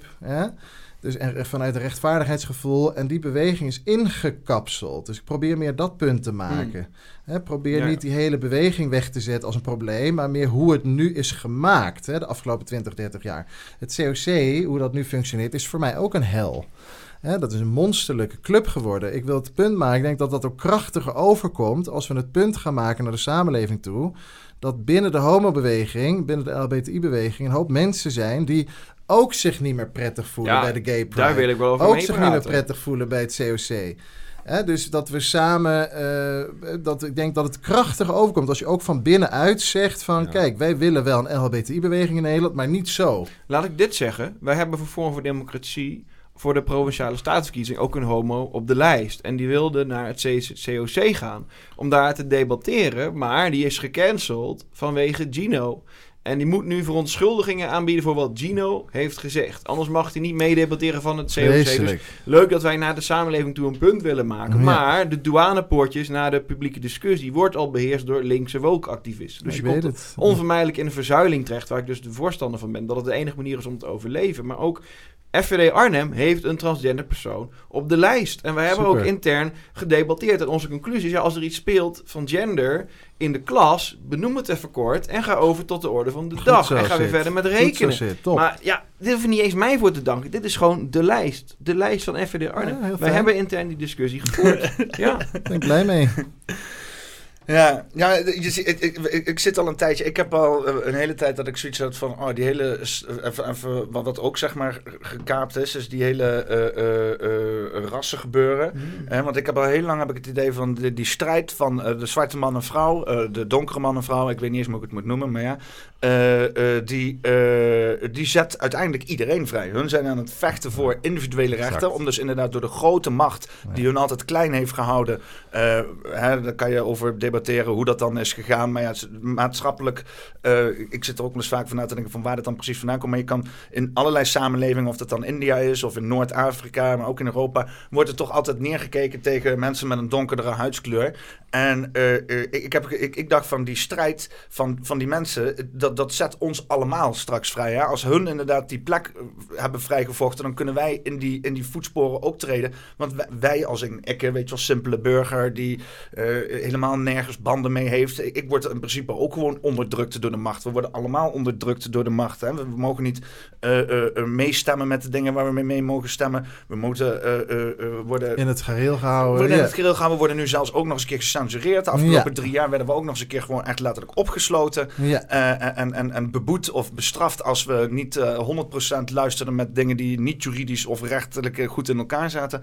Ja, de, de- de- ik, ik dacht van die hele beweging van de bevrijding van, van, van, van huidskleur, die zou ons ook bevrijdigen. Maar, maar nu is dat gewoon weer opnieuw racistisch geworden. Ze hebben het zo exclusief gemaakt en het weer helemaal naar een plek gebracht van, van, van haat en, en misbegrijp. En, en, bezig zijn met allerlei aspecten die helemaal niet belangrijk zijn. Want ik vraag me af wie er überhaupt, weet je wel, dat mensen gekwetst worden door Zwarte Piet, prima, weet je wel. Maar eh, eh, eh, je lost er geen maatschappelijke problemen op om dan een traditie af te schaffen. Dat, dat was vanaf het begin af aan was dat al duidelijk. Maar toch is daar heel lang op gehamerd. En nu komen we er aan de andere kant uit. Nog steeds hetzelfde. Nog steeds eh, eh, eh, moet Zwarte Piet blijven en moet weg. Alleen iedereen is er oneens over. En het is allemaal, het is allemaal een zooitje geworden. Eh, ik heb echt het heel, heel erg sterk het idee dat dat, dat dat de bedoeling was. Dat ik echt dacht van ja, hey, die machtige mensen die worden nu heel erg zenuwachtig van al die Ja. mensen die aan het Ja. emanciperen zijn. Ja, maar En daar moeten ze inderdaad Dit is flink gejury- dat je dit zo helder ge- Besminoft worden, zeg maar. Ja, maar dit denk ik ook. Want wat is dus de enige kracht die het, het grootkapitaal, en dan bedoel ik echt de internationale bedrijven die eigenlijk ook geen, geen, geen, geen verhaal meer hebben aan, nationale culturen, aan, aan lokale smaakverschillen, die het liefst zo globaal mogelijk willen opereren en elke reclame op elke cultuur willen copy-pasten, omdat het het makkelijkste en het goedkoopste is, weet je. Dat soort krachten hebben hele nauwe banden met de politiek. Hè? Tru- Trudeau, Hillary Clinton, Barack Obama, de meest progressieve zogenaamd, de meest links-liberale. Maar wat is nou eigenlijk de enige kracht die die globale spelers nog tegen kan houden? Ja, dat zijn wij. Wij burgers, hè, de, de citoyen. Dus wij die politiek actief worden, die ons gaan bemoeien met het landsbestuur, die naar de inspraak willen, die naar politieke vergaderingen gaan. Wij, ons verenigd politieke burgers, de enige wat die globale kapitaal nog kan tegenhouden. Wat gaan ze doen? Oké, ze gaan het allemaal op identitaire issues gooien. Dus we hebben het er niet over dat jij geen, geen huis kan kopen. Of dat ik geen pensioen kan opbouwen. Of dat een MKB'er en een ZZP'er gewoon zijn zelfstandige aftrek verliest door EU-wetgeving op Nederland. Daar hebben we het allemaal niet meer over. We gaan praten over Zwarte Piet, we gaan praten over moskeeën, we gaan praten over transgenders, LGBTQ. En op die manier, je gooit een hoop, buitenlanders ertussen, dan kan er zelfs op de werkvloer niet meer in dezelfde taal gesproken worden. Laat staan dat die mensen zichzelf nog kunnen verenigen. Je gooit een aantal religieuze en, culturele conflicten ertussendoor.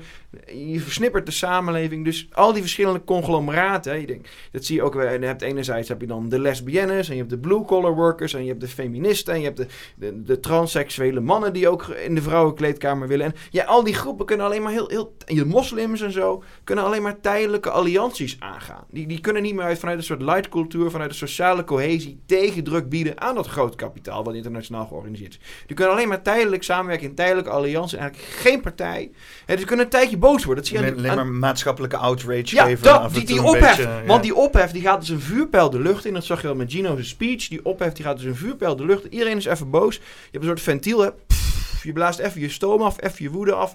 En je gaat weer verder. Maar de aandacht verschuift meteen weer. En die grote spelers, die hebben lobbyisten. Hè. Mijn, mijn, mijn ex-vriendin, die, die, was, die was hier ook mee bezig. Die, wij- zijn dag en nacht bezig om de aandacht vast te houden. Om te, in te werken op de beleidsmakers. Die hebben de telefoonnummers van de topambtenaren. Die zijn dag en nacht geconcentreerd. Steady, slow and steady wins the race met hun belangen bezig. En al die ophefklikjes, al die ophefdynamiekjes, dat is allemaal loszand, wat meteen weer uit de beeldvorming verdwijnt. Dus, dus al die, die identiteitspolitiek is alleen maar in het voordeel van het groot kapitaal. En als je dat aan links gaat uitleggen, dan, dan, dan verketteren ze jou als fascist. Dus ik ben voor verzuiling. Ja, dat eh, fascisme, dat is ook... eh, Maar wat- hoe bedoel je dan verzuiling? Nou, jij gaat ook verzuilen. Want jij bent natuurlijk, dat, dat merk je nu nog niet, maar je bent voor het leven gecanceld nu. Dus het feit dat jij hier met Peter aan tafel zit, dat het even over Yuri Besmanov gaat. Links gaat je haten, man. Ze willen je gewoon dood. Je bent met Baudet gepraat, je hebt met uh, Cliteur gepraat. Echt, dat, zijn, dat zijn gewoon de icons Wat of zin van de linkse kerk.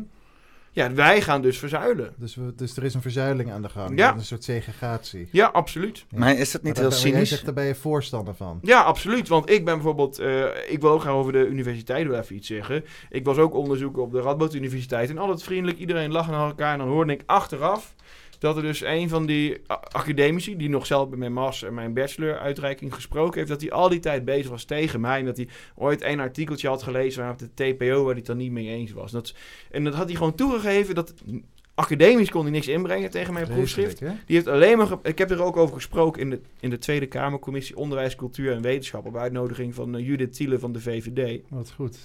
Ja, maar dat was toen met die Zini Usdeel ophef. Toen had ik, kwam ik dus in het nieuws met die foto van Zini Usdeel. Oh, ja. Vervolgens ging het alleen maar over die foto met Zini. En het hele verhaal is helemaal naar de achtergrond verdwenen. Oh, ja. Ja, en heb ik gezegd, ja, maar ik wil het liefst eigenlijk het bezighouden met eh, Walter Benjamin. En met Kierkegaard. En met Oswald Spengler. En dat vind ik super. Maar daar kan ik dus niet mee bezig zijn. Dat ik eerst die fucking revolutie moet winnen. En als ik die re- ja. Eerst even ja. de revolutie Ja. winnen en dan kan ik weer Ja, doen wat ik dus- leuk vind. Precies, ja, dat is waar we nu in zitten. En we moeten het toch samen Maar doen. ik wil, mag ik hè? even nog iets hierop aan toevoegen? Want kijk, vanuit, eh, ik denk dat het toch belangrijk is, en goed, dat ben ik dan weer vanuit mijn links-progressief perspectief, dat dus die hele, vers- eh, ik, zie, ik vond het een fantastisch pleidooi wat je houdt, hoe we uit elkaar worden gespeeld. En hoe als je dat probeert aan te kaarten, dat je wordt weggezet als een racist, weet je wel?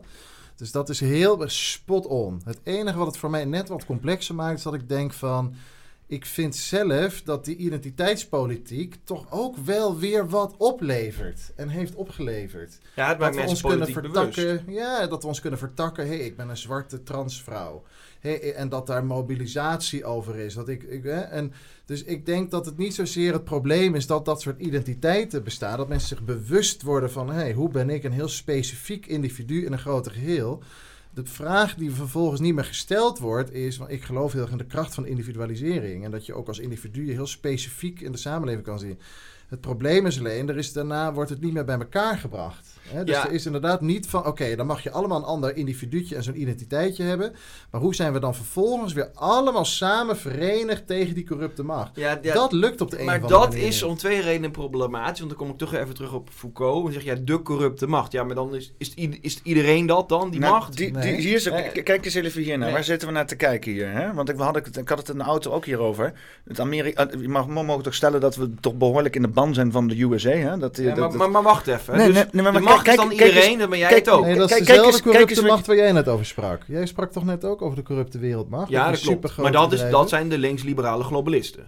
Nou, Kijk nou. Jij noemt dat links-liberaal, maar ik noem ze vaak rechts, omdat ze heel kapitalistisch zijn. Die de CEO's van grote eh, maar- bedrijven zou ik niet zo snel links noemen. Dat zijn keiharde Jawel, jawel, want, jawel, jawel, want die gasten, die hadden dus bijvoorbeeld bij Apple, waren de Chinese arbeiders, die waren gewoon overworked. En die sprongen gewoon puur uit wanhoop, sprongen Ja, ze van het precies. gebouw af zichzelf de dood in. Ja. Terwijl het ging gebeuren, die Apple-CEO kwam met allemaal nieuws over, ja, maar we zijn nu pro-homo's en pro-genderneutrale toiletten. En in één keer gingen ze het discours verplaatsen en toen durfde de pers er niet meer kritisch op te zijn. En hebben ze gewoon Oké, nou, ik bedoel meer te zeggen dat natuurlijk, het is absurd om CEO's van grote bedrijven die keiharde winstagendas uitrollen en eh, belastingen ontduiken, om die links te noemen. Ja, en toch is het zo. Kijk Ja, maar naar, eh, wij dan moeten allemaal in de ze- ze- vergroene ze- dat Tesla's is misschien rijden. vanuit jouw definitie van cultuur. Maar Wij ik zeg maar, moeten in in- hun economische overtuiging zijn die mensen natuurlijk hartstikke Ja, maar dat is dus een subversieve versmelting van eh, enerzijds dus de, de, de, het linkse marxisme en anderzijds eh Ja, rechtse dus technocraten. Vergeet is dat rechtse niet, hè? En dat speelt een heel belangrijke rol in, die- in, die, in die wereldelite. Maar ik had een probleem Het met is wat jij- simplistisch om dat links te noemen. Ik had een probleem met wat jij zei. Ja. Eh, want je zegt ja, het is goed dat we gaan vertakken als zwarte transactivisten en dergelijke. Maar het punt is, als er bijvoorbeeld een standbeeld is in de VS over een of andere generaal in de Confederates of weet ik veel wat. Zeg ja, maar jij weet niet voor, voor mij als, als, als afstammer van, van Latino-slavinnen hoe dat voor mij voelt. Of jij weet niet voor mij als, hè, als, als, als eh, zwarte vrouw vind ik dit. Dus dan eis je eigenlijk dat, de, dat er rekening wordt gehouden met jouw bijzondere identiteit. Ja, dat hoeft niet, hè? En eigenlijk grendel je jezelf ermee hermetisch af. Want je zegt Ja. van, jij weet als blanke, weet jij niet hoe dat voor mij is als, als, als zwarte lesbische vrouw en dergelijke. En dan zeg je eigenlijk, ik claim een voorkeurspositie, ik claim een toegang tot deze ervaring die jou niet beschikbaar staat. hè, en beschrijft. toch moet jij je er rekening mee houden en er zelf weer naar schikken. Dan kan ik zeggen, oké, maar ik als blanke man, zal, blanke hetero man, zal nooit weten hoe dat voor jou is als, als, als zwarte transraciale vrouw. word je uit elkaar gespeeld. Dus dan kan ik ook zeggen, oké, dan ga als jij alleen maar vanuit jouw perspectief en jouw belang kan denken. En ik kan, ik kan mezelf of nu super schuldig gaan voelen Ja. met een soort historische erfzonde die, die nooit absolveerbaar is, die ik nooit kan afleggen. Mhm. Dan kan er ook net zo zeggen, oké, dan ga ik voortaan voor de blanke heteroseksuele. Want daar kan ik me wel in inleven, want daar kan ik wel empathie mee hebben. Ja. Ja, en, en dan zijn we toch eigenlijk waar links wil dat we zijn, zeg maar. Nou ja, ik niet, maar zeker. Ja, dus dan wordt het verdeel en heers en woke. Hè? Ja. Maar ik denk dus dat je het ook mooi kan omdraaien. Dat je dus eh, vanuit het verhaal wat hij net zei... van hé, hey, de strijd voor een, van een minderheid... voor een meer rechtvaardige behandeling... is eigenlijk ook mijn strijd. Dus je kunt het ook hè, vanuit empathisch vermogen... en het verplaatsen in die minderheid... kun je juist ook zeggen... oké, ondanks het feit dat jij een andere strijd voert dan ik... herken ik wel stukken van jouw strijd en mijn strijd... en is er op die manier ook verbinding mogelijk. Dus het is niet alleen maar omdat we verschillende identiteiten maken dat we het uit elkaar laten vallen. Er is ook een mogelijkheid om die identiteit in stand te houden, maar om juist daar vanaf daar een verbindingsslag te maken. Maar je wil afronden, Ja, toch? ik wil afronden. Maar voordat we afronden, eh, dat doe ik altijd, verzinnen we een titel. Eh, eh, is er, zijn er bepaalde woorden, dingetjes die, die bij jou binnenkomen? Nou, we hebben heel veel over gender gehad. Ja, moet, moet er gender in de titel? Nou ja, eh, Gendergekte? Gendergekte wel, ja. Zo, dus gaan we iets met de twee, eh, wat zijn nog meer leuke G- G-achtige eh, woorden die achter gender kunnen? Gideon-bende. Ja, zo heet het boek al. Gideon. Zo heet het. Ehm, Gender, gendergenootschappen. Mm, mm. Geheime gendergenootschappen. Oh, ik vind dat wel, eh, ik vind dat wel, ik vind dat wel een leuke. Ook drie G's inderdaad. Ja. Geheime gendergenootschappen. Ik zal het boek even voor je signeren. Ja, fijn. Is goed. Nou, dan eh, ga ik ondertussen het eh, podcast afsluiten. Dit was eh poppenkast nummer 108. eh, geheime gendergenootschappen met Laurens Buis. En eh, met een uh, Dankjewel, afsluit... Peter. Dat was hartstikke leuk. Ja? Nou, dat is zelfs fijn. Bedankt dat je Ja. was. En een kleine sitebezoek van Sid Lucassen.